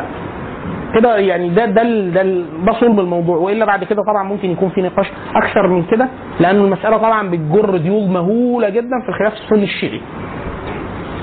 تمام؟ طيب. سيدنا سيدنا معاوية بالحسبه اللي إحنا قلناها بتاعت العراق والشام وكذا فالمساحتين اللي اتحرك اللي كان في توسع ضخم جدا في الحركة في في بداية الخلافة الأموية اللي في عصر سيدنا معاوية المساحة اللي اتحرك فيها كويس جدا مساحة الروم ومساحة الشمال الافريقي. مساحة الروم إيه السنة التي الحسنة التي سنها سيدنا معاوية مع الروم أنه واحد بدأ يأخذ مجموعة من القبائل كثيرة جدا ويسكنها على تخوم الروم. جيبها لهم حصونهم بأراضيهم بقعدهم هنا ثم أنشأ ما عرف بعد كده بشبكه الثغور كل المناطق الساحلية والمناطق اللي اللي فيها ارتطام ما بينهم وبين ال ما بين ال- الروم حط لهم الثغور حصون وسكن فيها قبائل من العرب عشان يوقفوا هؤلاء القوم. طيب إيه الأهم من كده كمان؟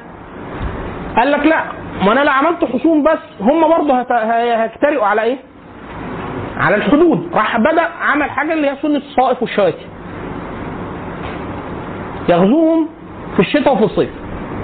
أول ما يجي الموسم يقول لك ده موسم الشواتي يروح يغزو الروم ويجي الصيف يغزوهم مرة في الصيف مرة شتاء ومره مرة في الشتاء ومرة في الصيف. ليه؟ فعمل لهم ثغور نقاط انطلاق كل شوية بحيث إيه؟ جغرافيا هم خطر جدا على الشام اللي هو مقر الخلافة بتاعته فهو عمل جهد عالي جدا في المساحة اللي إحنا إيه؟ اللي هي شمال حاليا شمال سوريا والجنوب الشرقي لتركيا. طيب هل هو الخطر من الروم من بره بس؟ لا ده الاسطول البحري بتاع الروم خطير جدا. سيدنا معاوية هو أول من سن سنة الاسطول البحري ده، قال لك لا مش هينفع الكلام ده، إحنا عايزين اسطول قوي جدا للمسلمين. فاستعن بالازد اللي هم الازد والغساسنه، طبعا دول عرب بس إيه؟ منهم في ناس من ناحية آه، كانوا أهل بحر في في مناطق أخرى سواء البحر الأحمر أو ناحية آه، الناحية ال- ناحية آه، ناحية آه، عمان والمناطق اللي فيها حاليا قطر والبحرين والحتت دي وفي ناس آه من ناحية الخليج العربي أو البحر الأحمر وفي ناس من الغساسنه ناحية برضه عرب شام مش شام قال لهم اعملوا أسطول. فاستكثر جدا من الأساطير البحرية وكان طبعا قاسمه الظهر ذات الصواري من المعارف الكبرى اللي هو إيه؟ سيدنا معاوية حتى قبل ما يبقى خليفة هو رايح جاي على الجزر بيحاربهم على الجزر. يعني هو فتح فتح قبرص 28 هجري تقريبا ولا حاجة قبل قبل الخلافة بفترة طويلة جدا فهو الراجل من زمان في هذه المنطقة.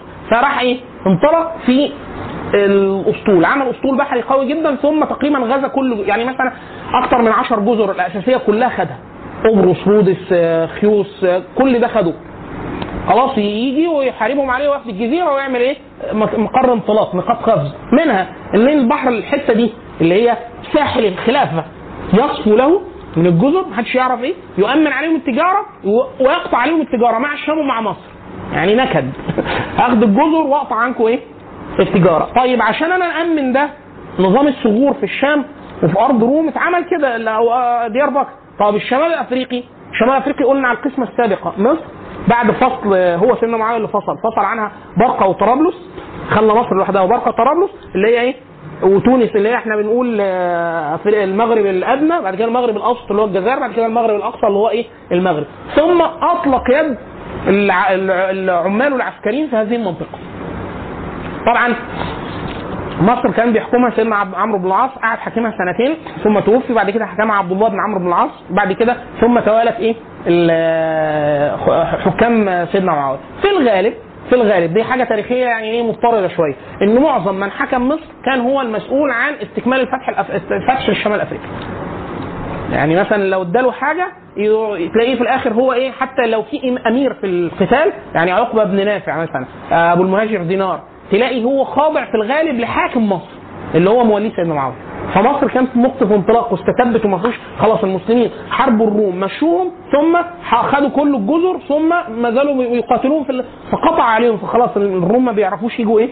ناحية مصر. فخد مصر كتلة يتحرك بيها على الجزر يقوي بيها التجارة مع الشام لأنه مصر والشام آه، تضررت جدا بسبب التجارة الساحلية التي قطعت بسبب الفتح الإسلامي ثم جعل مصر نقطة انطلاق لجميع الأمراء اللي بينطلقوا لبقية الإيه؟ الشمال ال- ال- الشمال الأفريقي، أشهر طبعا الشمال الأفريقي يا إخوانا فتح تاريخيا ممكن بعد كده نديكوا حاجة برضو مشجرة أو جدول على سبع مراحل.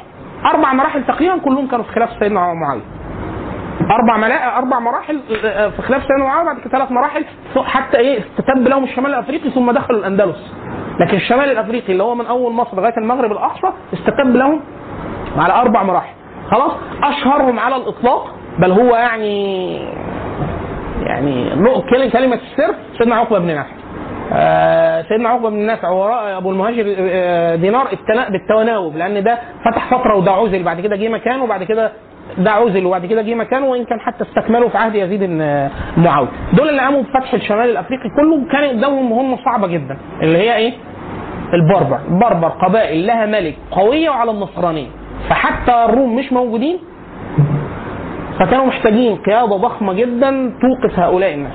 اللي قدر يكسب بال بالسلم واللين وبتاع أبو المهاجر دينار عقبة كان شديد جدا مقاتل شديد جدا وصعب المراه جدا في التعامل مع الناس.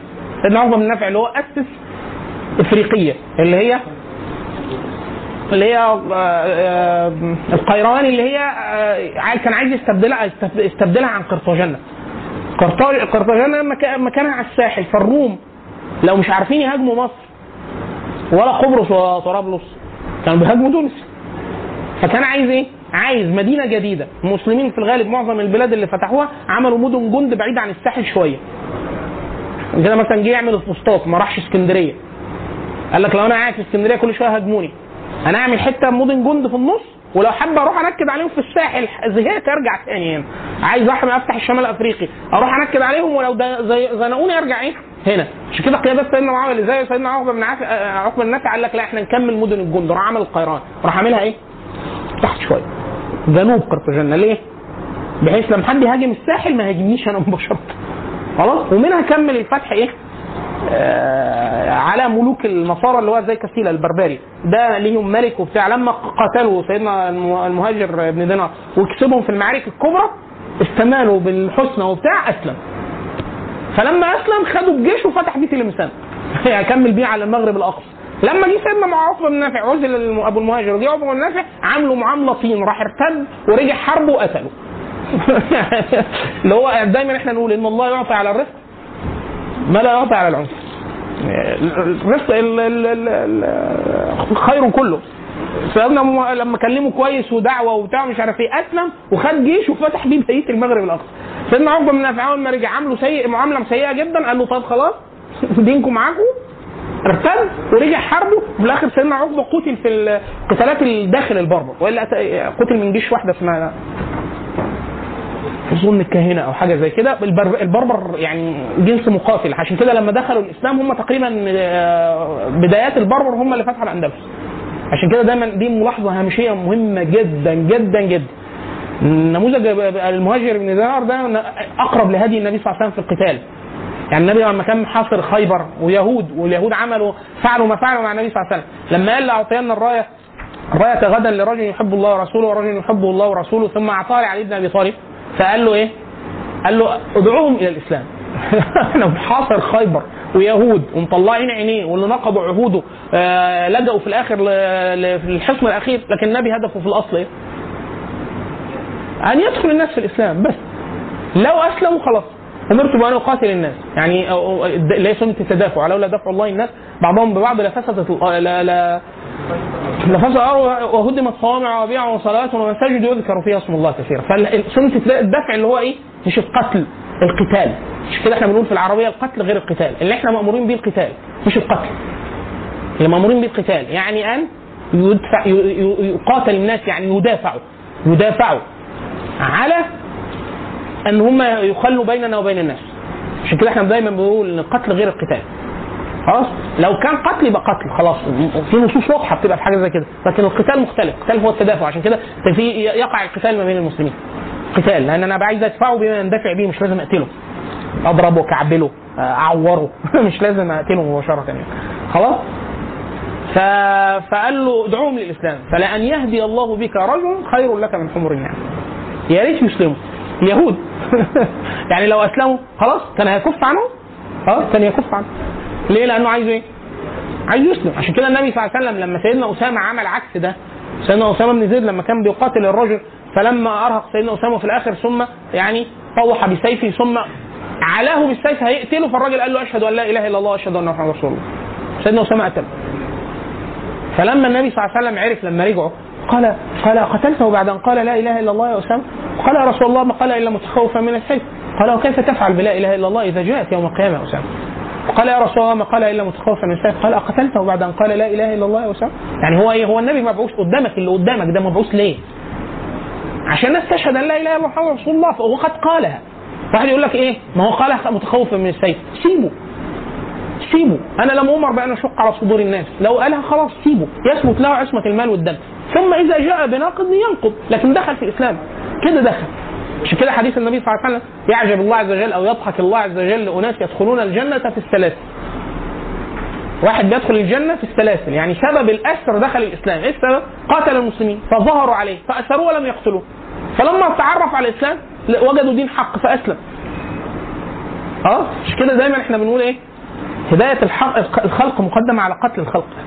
انت المفروض تهدي الخلق بس. لو قتلوك تقاتلهم. إن لم يندفعوا إلا بالقتل قتلتهم. لكن حتى الأمر بالقتال لا يعني القتل. النقطة دي مهمة جدا يا إخوان. لأن بيكثر فيها جدا ال- العك. عدم التفريق يعني. طيب. سيدنا سي- سي- سي- سيدنا معاوية من من آه، نقطة الشمال الأفريقي دي استتبت له بق- بق- قائدين زي عقبة بن عقبة بن نافع وابن دينار وتأثير تأسيس المدن المنفصلة لكن هو يعني ارتأى إن وجود القسطنطينية كعاصمة شرقية لبيزنطة أو الروم ده لا يستقيم هو خد منهم كل الجزر. يعني لو في حابين يعني في سيدنا معاوية كان دخل قبرص سنه 28 هجري آه، خد رودس آه، 52 آه، خد آه، أرواد وخيوس. يعني ما فيش معظم الجزر المهمة القوية خدها سيدنا معاوية. سواء هو أمير أو هو خليفة. وهو معظم هو خليفة خد معظم الأراضي بل هو اللي شجع سيدنا عثمان بن عفان على غزو البحر في خلافته. لأن سيدنا عمر الخطاب كان قال له لا أنا مش عايز أغزو في البحر ولا أغرر بالناس لأن المسلمين مش أهل بحر. فالروم هيقتلوه فأنا ليه أغرر بيهم في البحر؟ لما يبقى لينا سلاح قوي وكذا سيدنا معاوية عمل ده. عمل ده. خلاص وهو امير تحت عثمان بن عفان وهو خليفة عمل اسطول محترم جدا وقوي لكن هو برضه ما زالت فكرة إن هو إيه؟ استئصال وجود الروم من المنطقة خالص. ليه؟ لأنه قاعدين هيهاجموه يعني هيهاجموه. فعمل إيه؟ انه كانوا كل شوية يهاجموا الجزر وبتاع. فراح قال إيه؟ لا. فضرب حصار طويل على القسطنطينيه فهو عام عام الحصار الأول عام 49 هجري. عام 49 هجري يعني بعد خلافته بثمان سنين ضرب حصار طويل على ال- القسطنطينية. ولما الموضوع طول شوية أرسل جيش آه، مدد على راسه يزيد بن معاوية ابن سيدنا معاوية اللي هو الخليفه المشكل جدا اللي هيعمل لنا مشاكل جدا داخل التاريخ الإسلامي. هيحصل معظم المصايب في خلافته هو. لكن أرسل وراه جيش الجيش ده اللي هو فيه كان سيدنا أبو أيوب الأنصاري. عشان كده المسجد السلطان أيوب اللي موجود حاليا في تركيا ساعتها كان ده كله جوه أرض الروم. فهم قال لهم سيدنا أبو أيوب قال لهم لو أنا مت معاكم في السفينة قبل ما نوصل أرض الروم وكان سنه حاجة و90 سنة قال لهم ادفنوني في أعمق نقطة في ديار الروم لأن الإنسان بيغفر ليه؟ بقدر بعده عن أرض مولده في الدفن. وشرف ليه إنه يدفن في أرض فيها جهاد وكذا وبتاع. وهو خرج بهذه النية. فسيدنا أبو أيوب فعلا مات على السفينة. قعد عدة أيام سبعة أيام ولا حاجة في المية لا يجدون الأرض. ثم لما وصلوا جثته لم تتغير. ودي من كرامات ال- الشهداء يعني. وإن كان لا يوجد فيها نص لكن من من النصوص المتواترة عند الأمة. ان جثث ال- الشهداء اللي المقطوع به ان جثث الأنبياء لا تأكلها الأرض. لكن الشهداء ده ده بال المرء المشاهد المستقرأ يعني. ده شاء موجود من قديم حتى الآن. حتى الآن. بل أنا شخصيا أعرف م- حاجات كده. يعني الناس قتلت في السنوات الماضية في أمور. وبعد سنة مثلا من دفن أو سنتين يحفروا هيدفنوا واحد جنبه يلاقوه سليم زي ما هو. وده طبيا مستحيل. واحد من أربع سنين ولسه لحد جنبه. آه ففي في كتير كده. بل أغرب تقرير لما أمريكا هجمت آه، أفغانستان في 2001 فمؤسسة الصحة العالمية كان بتقول إن إحنا كنا بنعرف جثث تحالف الشمال من جثث طالبان. جثث تحالف الشمال الشيعة اللي هم كانوا موالين لأمريكا في الغزو وجثث طالبان. قالوا كنا الجثث بنيجي عند مكان القصف من شهر. الجثث موجودة. فجثث طالبان سليمة ريحتها طيبة ولم تتعب شهر. جريده الأهرام المصرية. ما هو ده الغريب أنا مش بقص القصة عشان الخبر. أنا ساعتها اللي هو إيه يا لهوي هم أمنوا. يعني اللي هو إيه في الأهرام. أنا ممكن أجيب لك تاريخ لأن أنا محتفظ بهذه الخطوط خلاص؟ اللي هو خبر اللي هو مزعج جدا. يعني لأنه هو طبعا يبدو إن هو يعني محدش راجع ولا حاجة. هو نقل عن موقع منظمة الصحة. فمنظمة الصحة قال لك والله إحنا في ظاهرة مش فاهمينها. إحنا قلنا لهم إحنا إيه؟ إحنا فاهمينها. يعني لا إحنا عارفين أصل دول كفار يا فندم ودول مسلمين الموضوع يعني ما خلاص؟ وإلا طبعا الموضوع متواتر معروف في الأمة. آه إن هو في نا- ناس بيموتوا بعد سنوات بي... سيدنا سيدنا جابر بن عبد الله الأنصاري. أبوه قتل آه قتل في أحد. فسيدنا جابر كان صغير. وترك ليه أبوه تسع بنات إخواته. فهو يرعاهم وأبوه قتل. وبتاع فالراجل حزين فقاعد بيبكي. بعد الغزوه فالنبي صلى الله عليه وسلم مر عليه قال آه، تبكي تبكي عبد الله يعني تبكي أباك؟ فقال نعم يا رسول الله. قال آه، هل أخبرك بما فعل الله بأبيك؟ أقول لك عشان ترضى يعني. فقال نعم قال لم يكلم الله عز وجل بشرا أو إنسانا أو رجلا كفاحا بغير حجاب. يعني الله عز وجل لم لم يكلم إنسانا بغير حجاب. خلاص؟ قال وكلم الله عز وجل أباك كفاحا. خلاص؟ قال عبدي تمنى علي. فقال يا رب أعود فأقتل في سبيلك. أرجع تاني. فقال لا بل سبق منا القول أنهم إليها لا يرجعون. قال يا رب طب بلغ عني. قول لهم. قول لهم بس أنا في إيه؟ فأنزل الله عز وجل ده في أسباب النزول. لو رجع رجعوا كتاب أي كتاب تنزيل ولا تحسبن الذين قتلوا في سبيل الله أمواتا بل أحيانا عند ربهم يرزقون. دي نزلت في أصحاب سيدنا عبد الله اللي قتلوا في أحد وحمزه وغيرهم. فسيدنا عبد الله النبي صلى النبي صلى الله عليه وسلم آه، منهم سيدنا حمزة ومنهم أصحاب النبي صلى الله عليه وسلم الأنصار السبعين اللي قتلوا في في أحد. فدفنهم النبي صلى الله عليه وسلم في مسيل أحد. جبل أحد الحتة اللي السيل لما ينزل المية تجتاحها في مسيل دفنوا فيه. ففي خلافة معاويه بن أبي سفيان يعني إحنا بنتكلم بعد 41 هجري. احد في عام كام؟ 3 هجري. فانت من 3 ل 41 يعني هم بعد تقريبا كان في, في أول مستهل خلافة عش- آه، سيدنا معاويه فكان بعد وفاته ب 47 سنة. فجه واحد جري لسيدنا جابر. قال له السيل كشف قبور أحد. جاي له ليه؟ قال له فإذا أردت أن تنظر إلى أباك. واحد أبوه ميت لسنين وعايز يشوفه. فطبعا ما يقدرش يكشف القبر. فقال له القبر اتكشف. والناس هتدفنهم. هياخدوهم يدفنوهم تاني. خلاص؟ فقال له لو عايز تشوفه شوف. سيدنا جابر في وده الصحيح عن سيدنا جابر. فراح لحقه. شافه قبل ما يدفنوه تاني. فقال فوجدته كما هو إلا شعرات شابت في لحيته. وهو لأنه حي. حي. قال وجرحه يصغب يعني حد جرحه دمه نزل. يعني طبعا ما فيش حد بيموت يبقى في دم خلاص. خلاص. فقالوا نقل ودفن. وده مرئي طبعا في سيدنا عمر بن الخطاب. عمر بن الخطاب في خلافة آه، في الأمويين لما عملوا توسع في المدينة المنورة فادخلوا القبر قبر النبي صلى الله عليه وسلم حجر عائشة يعني في في الم- في المسجد. النبي صلى الله عليه وسلم مدفون في حجر عائشة في الحجرة. وبعد كده أبو بكر لما توفي دفن في الحجرة. ولما عمر بن الخطاب توفي دفن في الحجرة. على هيئة الأصابع النبي النبي أبو بكر وعمر. ففي في العهد الأموي آه، دخلوا في إمارة عمر بن عبد العزيز على المدينة في خلافة عبد ال- الوليد بن عبد الملك. فدخلوا الحجرة في التوسع داخل داخل المسجد.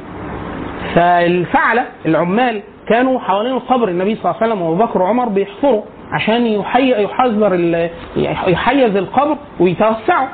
فواحد من الناس طبعا الناس جت لبشت. ليه؟ وهم بيحفروا فهو بيضرب ليه دم. فتوقفوا إيه؟ خشوا أن تكون جثة النبي صلى الله عليه وسلم. فالعمال جه فكان حد من الصحابة عايش. فبص الرجل هو خبطه برجل واحد باينه فيا إما أبو بكر يا إما النبي يا اما فاللي جه من عمر من أولاد عمر بن الخطاب فقال عمر. دي رجله هو. فيعني دفن وبتاع فهو هو ميت من من سنوات ولكن ده جسده كما هو كما أخبر النبي صلى الله عليه وسلم في حديث أحد قال اثبت أحد عليك نبي وشهيدان وصديق وشهيدان فهو شهيد. فهو برضه ده مرئي متواتر ولكن ما عليهوش نص واضح. يعني مفيش حد بيقول لك الأرض ما تاكلش بس المرئي الم- الواضح في كل العصور حتى العصر الحديث اللي هو اللي إيه؟ المقابر شهداء 73 سويس مضمون يجيبوها لا ده ده كثير لا ده كثير مرئي مشاهد لا لا يخطئ أحد. 73 أنا والدي حارب في 73 آه، أخبرني عن حاجات كتير كده. اللي هو ناس حد يكون دفنوه دفنوه في بداية المعارك ويرجعوا يلاقوه سليم. يعني المفروض يتعثر خلاص لأن هو ما فيش ثلاث أيام المفروض ينتفخ وخلاص. فهو ده ده مرئي مشاهد لا لا ينكره لا ينكره أحد. ودي من المبشرات في الدنيا اللي هي فكرة إيه؟ يعني اللي هو يعني مش مصدق طب اهو من باب المبشرات يعني اللي هو إيه؟ أهو. مش لازم شهيد بس؟ ممكن قال الصراحة ما في مش ما هو النبي صلى الله عليه وسلم قالوا له الشهيد هو الذي يقتل في سبيل الله قال إذا أم شهداء أمتي. قليل. مين يا مولانا الشهداء ثاني؟ طبعا دي معمول فيها منظومة نظم فيها المذاهب الأربعة. منظومة الشهداء بيوصلوا أحيانا 70 واحد. فالمبطون والحريق والغريق والميت تحت الردم والميتة بجمع والمظلوم. والمو... المي... ال- ال- المنكر على أولياء الأمور ال- الجور المقتول في الأمر بالمعروف والنهي عن المنكر والخارج على اللي هو بيسعى اللي بيسعى على اللي بيسعى على أهله في رزق الحلال يطلب. يعني أنت طالع راح الشغل تطلب رزق حلال عشان مراتك وعيالك فهو في سبيل الله يعني لو مات يأخذ أجر شهيد والميت على فراشه يتمنى الغزو ولا يقدر. كتير جدا كتير جدا. خلاص الميتة بجامع لو واحدة حامل حامل وماتت في ابنها في بطنها عيل هي تاخد أجر شهيد. ولكن أجر شهيد. لكن ما تجيش عليها سيما الشهداء يوم القيامه وإلا سيما الشهيد إن هو يبعث يبعث ال- دمه يصغف دم يعني دم الم- الجرح جرح مجروح. اللون لون الدم والريح ريح المسك. وعليهم سيما الشهداء لأن الشهداء بيتعاملوا معاملة خاصة. حديث النبي صلى الله عليه وسلم إن أول ما يبعث الناس في المحشر فالشهداء يروحوا ناحية الجنة. ف... فتستوقفهم ملائكة ال- الأبواب.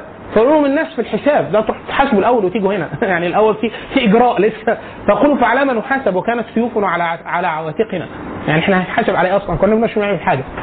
خلاص؟ فتفتح لهم الجنة فيقيلوا في الجنة أربعين ألف سنة والناس في الحساب. اللي هو لما تخلصوا بقى. إيه؟ هو من حديث النبي صلى الله عليه وسلم الشهيد في عند الله ست ست خصال ما أو- يغفر له بأول أول قطرة من الدم ويؤمن من فتنة ال- ال- القبر ويجرى يجرى عليه عمل عمل الدنيا. هو والمرابط بل المرابط في العموم الرباط آه، يعني الرباط أجره أكبر من من الجهاد. خلاص؟ طيب. آه، ففي الحصار الأول لما ضرب على القسطنطينية اللي هو الجيش بتاع سيدنا ابو الأنصاري الح- الحصار فك ولم ينجح المسلمين. باسباب واحد القسطنطينية مشهورة جدا من أول النشأة إن هي قوية جدا الحصون. عشان كده إحنا الفتح هيتأخر. إحنا دلوقتي بنتكلم في في الحصار الأول 49 هجري. يعني 669 ميلادي. اتفتحت 1452 محمد الفاتح. 1452 من 669 كل ده المسلمين حصروها بعد اللي أنا بقوله ده خمس مرات تاني. حصار سيدنا معاوية الحصار الثاني وبعد كده خمس تاني.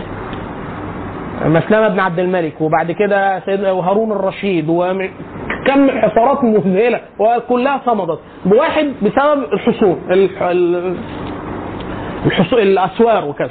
اثنين النيار النار الأغريقية. الروم كانوا آه، ضربوا حاجات. يعني قبل الاشتعال وخد بقى من ورا من ورا السور. فكرة سهول جدا وصول لا يمكن حصارها بحيث ينقطع عنها المدد. تحاصرها من حتة وداخل لها مأكولات ومشروبات فما فيش أي مش هيجوع. أنت اللي هتجوع وتبرد وهتنشف وأنت واقف وهم قاعدين. فالمسلمين ما وصلوش لدرجة إن هم يقدروا يحاصروها غير بعد شوف كام سنة إحنا بنقول 800 سنة. تقريبا من اللقطة اللي إحنا بنتكلم فيها. ففكوا عنها الحصار وعادوا 49 هجري ده كان حصل حاجة مهمة جدا هتغير جزء من مسار الخلافة الأموية. وفاة سيدنا الحسن. سيدنا الحسن توفي عام 49 هجري. هو بايع في الخلافة 41 هجري توفي سنة 49 خلاص؟ فالأمر صار في تساؤل ضخم جدا اللي هو إيه؟ كده الاتفاق اللي كان بين سيدنا معاوية وسيدنا الحسن. الخلافة مش هترد لسيدنا الحسن لأنه مخطوف بالرغم إن هو غير- كان كان كان غير متصور. لأن سيدنا الحسن سيدنا معاوية أسن من سيدنا الحسن فكان يتصور إن سيدنا معاوية يتوفى في حياة الحسن. عشان كده وده, وده ثابت تاريخا من غير تحطط بس مش عارفين مين يعني. حتى سيدنا الحسن نفسه قال يعني لا تأخذوا أحد بظلم إن سيدنا الحسن سم. تدوس عليه السم يعني. وسيدنا عبد الله بن عمر برضه بس عبد الله بن عمر إحنا عارفين إن قتلوا الحجاج بن يوسف س- زق عليه حد يعني جرحه بحربة مسمومة. سيدنا طلحة بن عبيد الله قتلوا مروان بن الحكم يعني إحنا عندنا في ناس معينين كده إحنا عارفين ده ده فلان قتل ده. خلاص؟ سيدنا الحسن مش عارفين. سيدنا نعم. لا الحجاج كان سفاح. الح- الحجاج كان بيقول لو أدركت عبد الله بن مسعود لقتلته. وأخشى من يقتل عبد الله بن عمر وقتله. بس هو كان كان متصور يقتله سيف. لكن كان لا يستطيع. لأن عبد الله كان علاقته بعبد الملك المروان كويسة. وكان عبد الله بن عمر كذا مرة الناس عرضت عليه الخلافة ورفضها. فعبد الملك بن مروان بعت رسالة شتم فيها الحجاج وعن يعني قال له لا تقلب علينا الناس لأن عبد الله بن عمر يعني لا ده مش راضي أصلا يخرج وبتاع فأنت لو ده تعرضت ليه؟ خلاص؟ لكن عبد الله بن عمر يعني ساب لنا رسالة قيمة جدا في الآخر قال إيه؟ لا وددنا أن قتلنا الفئة التي خرجت فينا يقصد الحجاج. كان بيقول لو أنا رجعت كنت حاربته وده حاجة جميلة جدا. اللي هو ليه؟ لأنه صبروا عليه. في الآخر خلى الأمور استفحلت جدا الحجاج بن يوسف قتل أنفس يعني قتل مئة ألف نفس؟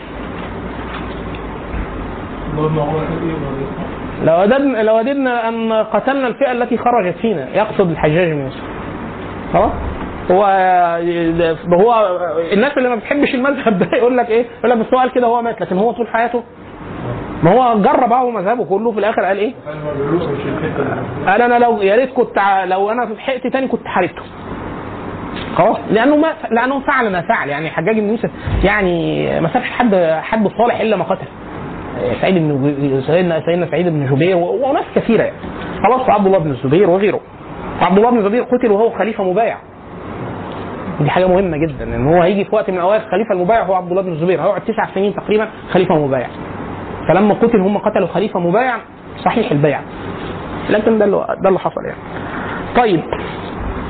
آه سيدنا معاوية الفترة من بعد وفاة سيدنا الحسن هيبدأ واضح جدا من الأدبيات اللي وصلنا وكذا إن هو هيبدأ يحشد الناس ناحية أنه يبايع ليزيد بن معاوية في حياته.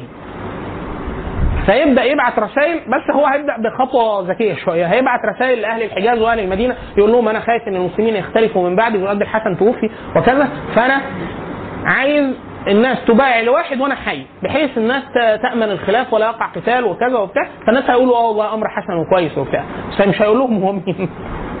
أنا هقول لهم إيه؟ تجتمع على واحد وبايعوا وأنا عايش. فالناس هيقولوا آه قد فعل ذلك قبله وقبله سيدنا أبو بكر الصديق وغيره. فهيقول لك إيه؟ هيقولوا آه نبايع الاحد على عشان الناس ما تختلفش. سيدنا معاويه كان كبر في السن كان تقريبا حاجة و70 سنة. خلاص؟ فهيوافقوا على المبدأ. فيقول لهم طب هو يزيد بن معاويه يعني فالناس كلها ترفض واهل الحجاز الأساسيين. فيستميل جميع الأطراف ولن يتبقى إلا أربع أنفس هم الوحيدين اللي بيقولوا لا.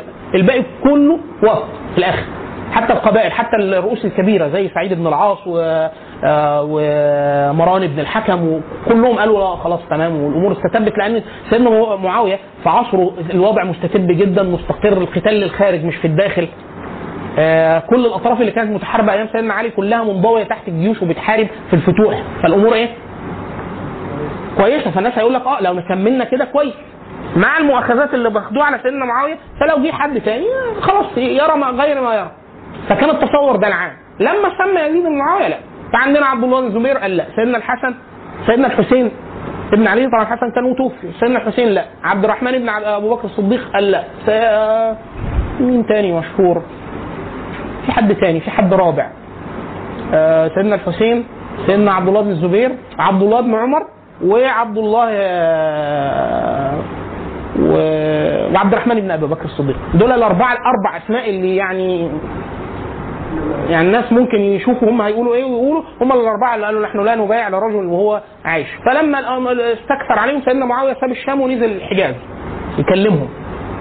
ويجمع البيعه للناس وتست... ليزيد وتستتب له الأمور فتحركوا سابوها له وراحوا مكة. يعني إيه؟ عشان ما يجتمعوش معاه واحد وكذا. ثم بعد ذلك أرسل مروان بن الحكم إيه؟ خلاص لأنه معظم الناس كانت خلاص قابلة لهذه الفكرة إن هو هيبايع وهو عايش. يعني هو في خليفة عايش ويبايع لخليفة عايش وابنه بقى. مع وجود بقى خلفية القتال الخلاف والقتال اللي كان قبل تقول ليه الخلافة لسيدنا معاوية؟ هيحصل موقف اللي هو الموقف الأساسي اللي هو يبين إن الناس فاهمة الأمور هتقول إلى إيه. ان مروان بن الحكم خطب في المدينة وكان عبد الرحمن بن أبو بكر الصديق موجود فقال إن أمير المؤمنين معاوية يعني نظر في أحوال المسلمين فوجد يعني إن ما يصلحهم وكذا أن يجتمعوا على على رجل فنظر في الناس فيعني اختار لكم يزيد بن معاوية أو حاجة زي كده. فعبد الرحمن بن عبد الرحمن بن بكر الصديق قام له على رؤوس الناس وقال له كذبت وكذب كذبت لعمر الله وكذب معاوية. ما الخير أردتم لأمة محمد ولكن أردتموها هرقلية. كلما هلك هرقل قام هرقل. أنتوا عايزين اخليهم ملك وراثي. فتتبعوا الجند. كانوا يقبضوا عليه. فدخل حجر عائشة. يعني دخل أوضتها اللي هي بيت أوضة النبي صلى الله عليه وسلم. فيعني إيه؟ آه يعني البيوت آه امتنعوا. يعني قالوا له إيه؟ يعني ما مش مش أصل هو السيدة عائشه موجودة. فقام جه من ورا الباب شتمه وبتاع وقال له أنا مش هسيبك يعني أنا مش هسيبك غير إن أنت نزل في القران اللي هو آه، الذي قال لا ولديه آه، إيه؟ اف لكما تعباني فقال له ده نزل- نزلت فيك. فالسيدة عائشه من وراء الباب قالت لا والله كذبت ما نزل فينا. يعني آه، قال أبو بكر الصديق آه، شيء من القرآن مثل هذا ولكن نزلت فيك وفي أبيك أو نزلت في أبيك. فسكت ومشي. خلاص؟ فواضح كده إن الأمور إيه؟ كده في إيه؟ واضح واضح إن كل الناس راح على السكه اللي هو خلاص هيبايع ليزيد بن معاويه وواضح إن اللي بيقول لأ بيقول لأ ليه؟ ليه؟ إنها تقول وراثية وقد آلت. كلام واضح. يعني إيه؟ هو فعلا ده حصل. ده حصل. هل سيدنا معاويه فعلا كان لا لا مش هنا السؤال اللي هي سؤال اللي هي جدارة بالحكم إيه؟ أنا بيت الخلافه وأنا أمير خلاص والإنسان لا يرى أصلح في عينه من أب... من أبنائه يعني أنا شايف ابني حاجة عظيمة جدا خلاص اثنين إن أنت ما دام قريب من بيت الخلافه يعني مثلا حملة المدد المدد الأخرى لحصار القسطنطينية ال- الأول كان مين أمير الجيش؟ يزيد بن معاوية مين أمير الحج؟ يزيد بن معاوية خلاص فهي فكرة إيه؟ آه، هو كان فصيح وشاعر يعني يقول لك آه، اختتم الملوك بشاعر وانتهوا بشاعر. يقصد اللي يقصدون الم- الملك الملك الأول امرؤ القيس ويقصدون الملك الأخير يزيد بن معاوية. فالراجل يجتمع فيه شعر ونسب و... ونشأة في خشن يعني هو نشأ في البادية بعيد عن القصور وكذا وإن كان بعد كده التحق بيهم في الشام. وراجل مجاهد وحارب كذا مرة وغزا البحر وفتح القسطن يعني حصار القسطنطينية و... وسيدنا معاويه نفسه لما تولى الخلافه لم يتبلها على على مبدأ الأفضلية مش مين أفضل وإلا كان كثير من الصحابة سيدنا سعد بن وقاص وعبد الله بن عمر أسبق وأفضل منه لكن تولاها على القدرة. أنا قادر يعني أحكم أمور المسلمين وأسيرها تسيير حسن ويستمر الغزو والقتال وكذا وبتاع. فخلاص الناس اتفقت على كده اتفقوا على كده. فهو قال على نفس الطريقة. ليه؟ بدل ما الناس يقعدوا يختلفوا مين الحاكم ومش أنا هوحد هخلي الأمور كما هي. خلاص؟ وده طبعا إحنا بنقول بشكل واضح جدا إنه ده كان خطأ خطأ واضح ليه؟ لو رد الأمر إلى الأمة مرة أخرى لكان أهدى سبيل كان حسم المادة الأولى خلاص القتال ده كان واقع وهيبقى ذاكرة حاجة تاريخية واثنين الأمة تنظر فترى من يناسبها في الدين والقتال والوجاهة وكذا وكان ده أهدى سبيل للمسلمين لكن لم يحدث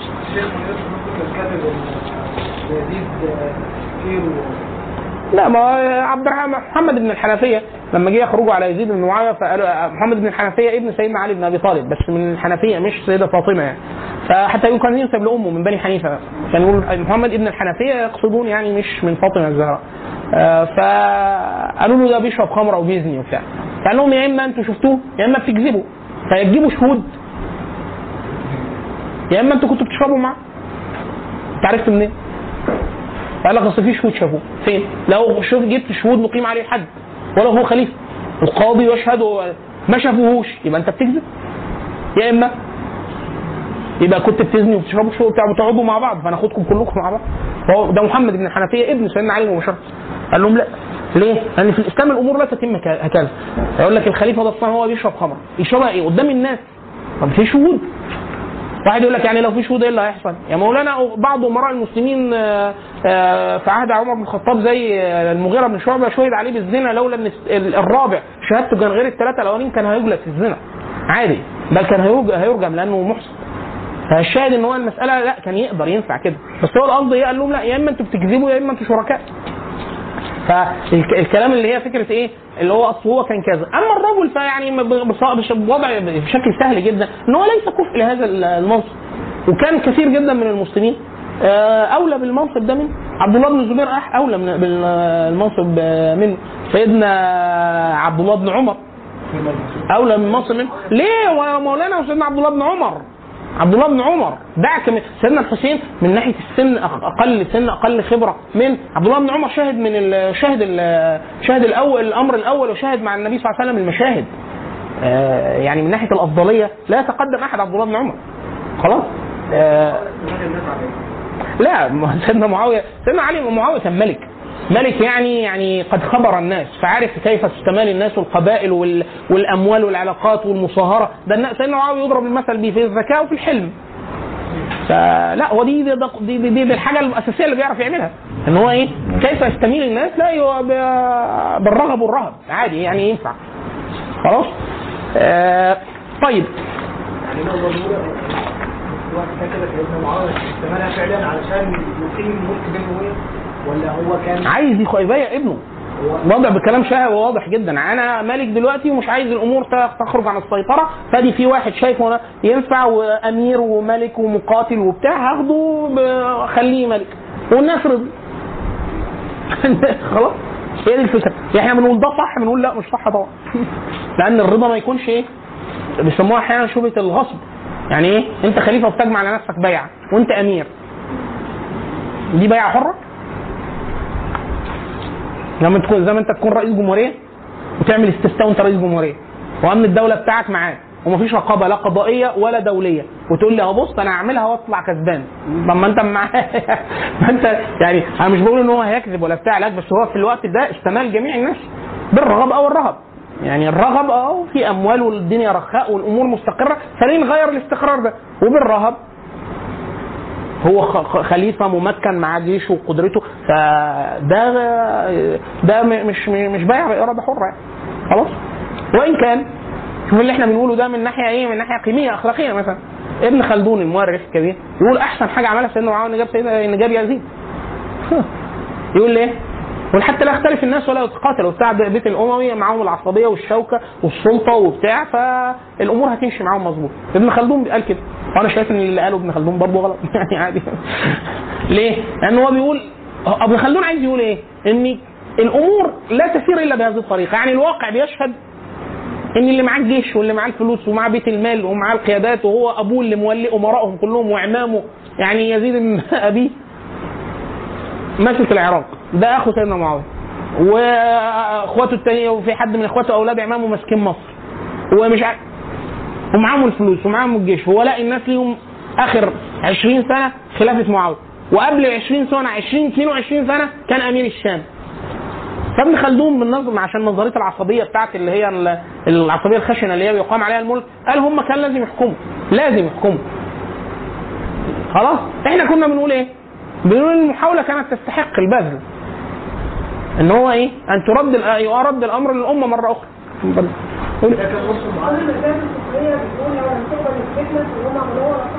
ما أنا بقول لك ابن خ... ما أنا ما أنا بقول لك ابن خ... أنا بقول لك ابن خلدون بيقول إيه؟ ما المذاهب بتقول ده من ناحية بتقول ده من ناحية واقعية يقول لك تقع فتنة ولا نتحمل حكم المفضول مع وجود الفاضل ما هم الناس أصلا قبلوا الصحابة هم بيستمدوا المقولة بتاعت الفقهاء بيقولوها ليه؟ بيقول- بيقولوا الصحابة قبلوا بيعه الحسن لسيدنا معاوية والحسن آه، أفضل من سيدنا معاوية. خلاص؟ يعني الحسن إحنا بنقول مقطوع به إن من أهل الجنة بل سيد شباب أهل الجنة. خلاص؟ سعد بن ابي وقاص موجود عبد الله بن عمر موجود. طب ليه الصحابة بقى؟ قالوا والله هو من الملك والقدرة والحكم وبتاع. ماشي. بس ده زي قال في معاوية؟ ولو في يزيد بن معاوية. يعني هو لو جمعهم على حد تاني عارفة لو جمعهم على مروان بن الحكم كان أهدى شوية. ليه؟ مروان شيخ قريش. وراجل كبير في السن و... يعني حتى ده كان هيبقى أوزن. ده ما هو من ناحية ما هو المقصد ده من ناحية اللي هو فكرة تحقق الفتنة وبتاع. إحنا بنقول كنت تجيب حد تاني أملك من ده وأقوى من ده وأرضى للناس. لكن اللي حصل إن ده ما حصلش. لكن هم الفقهاء بيقولوا بي- بي- يعني هو ملمح من ناحية إيه؟ اللي بيقولوا الفقهاء وابن خلدون ملمح واقعي. يعني بيقول لك سيبك من ال- الأفضل. المفضول أهو تولى في خلافه الفاضل والصحابة قاعدين وقبلوا. ليه؟ تحقق بيه الغزو والجهاد والاستقرار وعدم القتال وبتاع فالأمر حسن. فإحنا بنقول أمر حسن. بس في حالة معاوية. يعني معاوية بن سفيان لما تنازل ليه سيدنا الحسن كان ملك. في 25 سنة ملك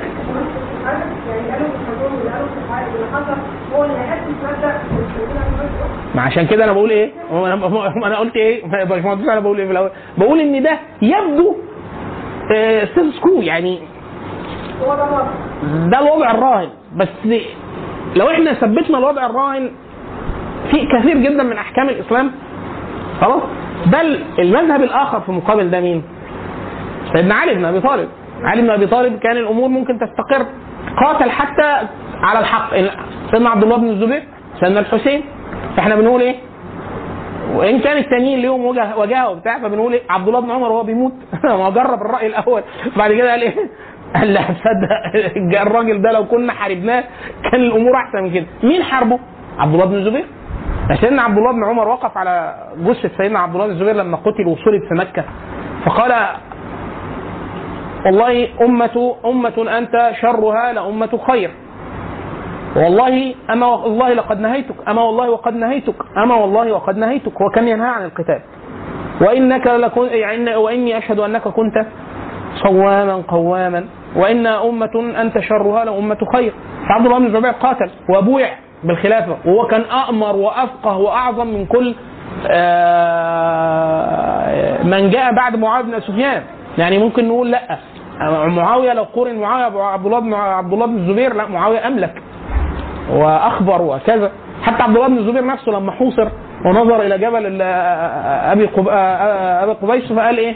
قال والله لو وددنا أن متعنا بأمير المؤمنين يقصد معاوية بن سفيان ما دام أبو قبيس ليه؟ لما رأى من بعده. يعني إيه؟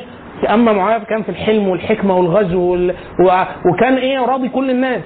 يعني أهل البيت مراضيهم غزو بيغزو. لين وبتعرف إيه؟ يعني الراجل كان معادلة صعبة جدا. فالناس كانت قابلة بيه. بل مش الناس بس ده صحابة. بل مش أي صحابة.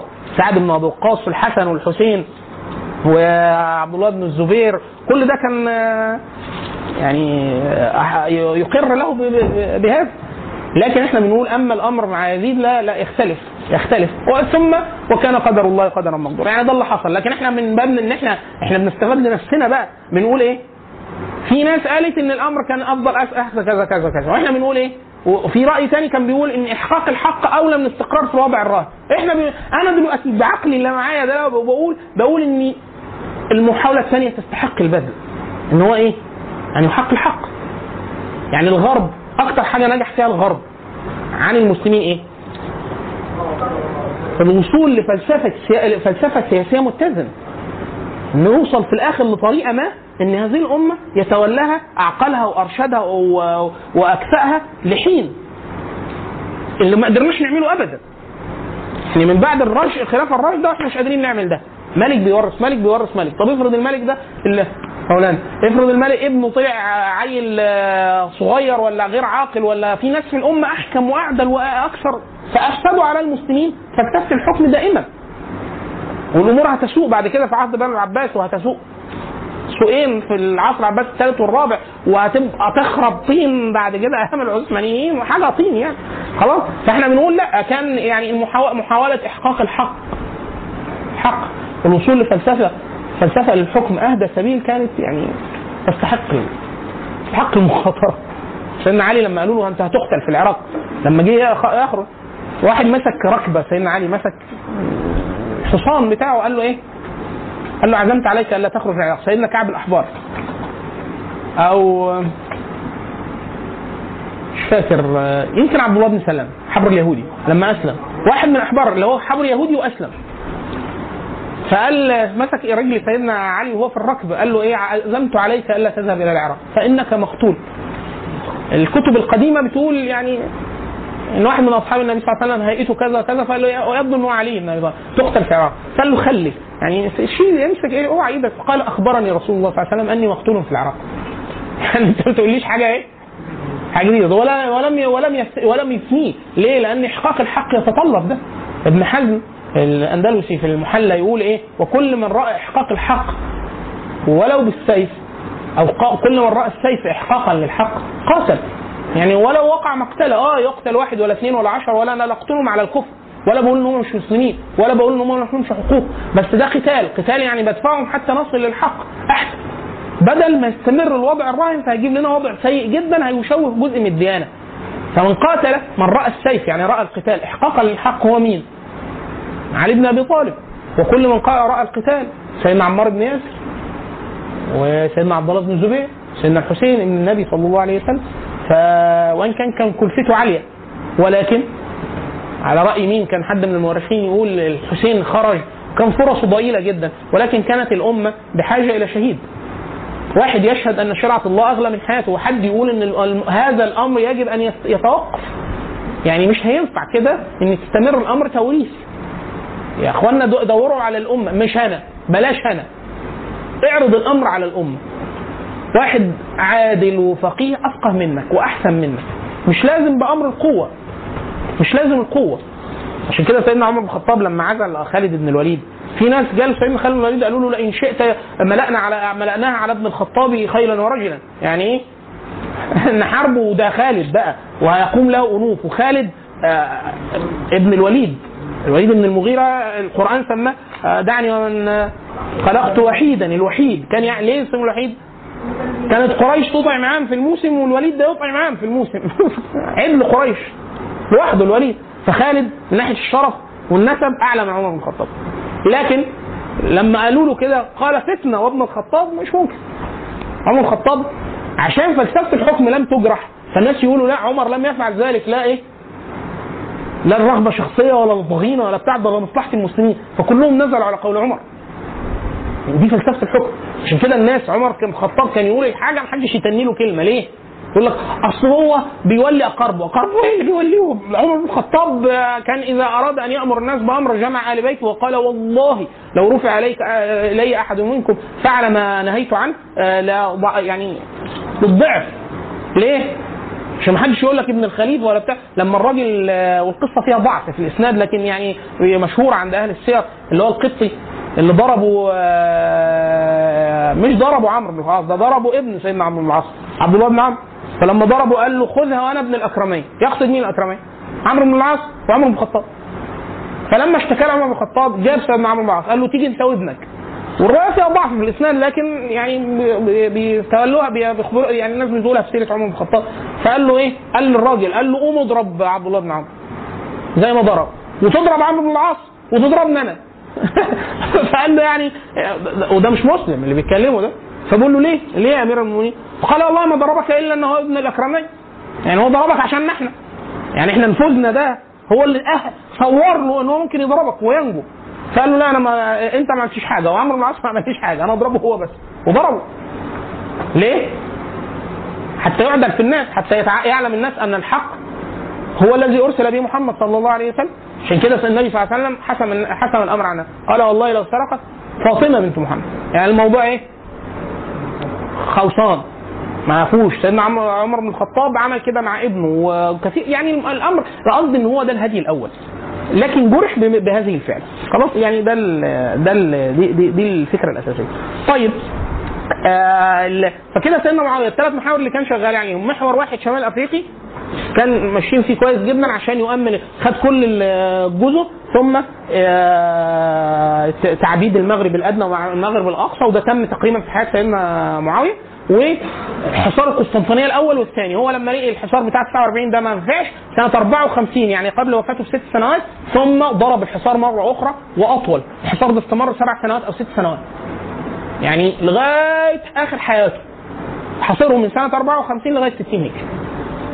إيه السبب؟ لأنه كان محور القسطنطينية ده محور خطير جدا. ثم الفتوح في ناحية آسيا كان فيها المعضلة بتاعت إيه؟ الخوارج في العراق فكانوا مضايقينهم فكان بيحاربهم شوية. وأهل العراق. خلاص؟ وإن كان برضه إيه يعني كان بذل جهد في استتباب الأراضي التي فتحها المسلمون حتى خلافه عثمان بن عفان. يعني كل الأراضي اللي اتفتحت أيام آه، لكن ما حصلش فيها توسع ضخم. هيحصل توسع ضخم جدا في عهد عبد الملك بن مروان. عبد الملك بن مروان والوليد وسليمان يكاد يكون معظم الفتوح العظيمة جدا. في ناحية آسيا كلها آه، تمت في خلافتهم وده هيأتي آه، هيأتي آه، لاحقا يعني. طيب أكمل ستة ونص وخمسة. طيب في حاجة ممكن نقولها قبل ما نختم؟ لو حد عايز يشتغل معانا بكتاب كتابين بالتوازي مهم جدا. نصيحة آه، كل اللي إحنا يعني مثلا إحنا النهارده مثلا قلنا حاجة بسيطة كده كمقدمة وبعد كده خلصنا آه، مثلا انتهينا من خلافة معاوية طولنا فيها ليه؟ إن أول حاجة إن هي 20 سنة من اصل آه، 91 سنة فحاجة مهمة إن هي فترة تأسيسية كل الحاجات بعد كده في محاور كبيرة جدا هتبقى قائمة بسبب على اللي حصل في خلافة آه، سيدنا معاويه. كتاب آه، تاريخ تاريخ الدولة الأموية اللي هو ده بتاع مح- محمد سليم طقوش كتاب صغير طبعه آه، إيه؟ موجود بي دي اف آه وموجود على أي حد معاه فلاشة ممكن ياخد الحاجة دلوقتي. خلاص؟ اللي هو الفولدر اللي بتاع اللي هو أسطوانة التاريخ النهائي. عليها كل الاطالس اللي راجعينها عليها كتب محمد سهيل طقوش كلها عليها كل المشجرات والجداول اللي إحنا عايزين حضراتكم تشوفوها. سواء مشجرات نسبية زي كده آه، أسماء الخلفاء فترة خلافاتهم كل كل ده الدولة الأموية كلها الدولة العباسية كلها وغيرهم. خلاص؟ آه واطلس آه، ده تاريخ الدولة الأموية بتاع محمد سيد بطوش ده كتاب. وكتاب صغير مش كبير. يعني أنا اظنه فيه صفحة ولا حاجة. يعني بسيط يعني. واطلس تاريخ الدولة الأموية بتاع المغلوس؟ ممتاز. اطلس المغلوس كلها رائعة. وموجودة طبعا في الملفات اللي معانا هنا ال PDF وموجود لو حد كتب آه، أطلس تاريخ الدولة الأموية المغلوس هيجي له رابط وينزله. معظمهم مرفوع على المكتبة الوقفية. لو حد بعد كده حابب يتوسع شوية معانا في الفتوحات الفتوحات فيها تفاصيل لطيفة. فلو حد عايز يشوفها في آه، أطلس الفتوحات الإسلامية بتاع أحمد عادل كمال فيها توسع ممتاز جدا في ال- الفتوح. اللي هو ميزته إن هو أطلس. أطلس يعني تتبع الفتوح عن أطلس. إيه الأسباب الجغرافية والاستراتيجية اللي خلت الفتوح الإسلامية تاخد هذا المنحى أحمد علي كمان أحمد عادل كمال آه. أطلس الفتوحات أطلس الفتوحات الإسلامية. للأسف مش موجود عربي على الشبكة. اللي مرفوع بي دي إف الأردو النسخة الأردو. اللي موجود ورقي موجود يمكن غالي شوية موجود في دار السلام. طبعا دار السلام بتوزع كل اللي إحنا قلناه ده. بتوزع مطبوعات دار النفايس اللي هو تاريخ الدولة الأموية بتاع محمد سهيل طقوش وبتوزع مطبوعات العبيكان اللي هي أطلس تاريخ الدولة الأموية وبتوزع آه، أطلس آه، أحمد عادل كمال سبحانك اللهم وبحمدك أشهد أن لا إله إلا أنت أستغفرك وأتوب إليك. بارك الله فيكم شكر الله لكم نلقاكم إن شاء الله الأسبوع القادم.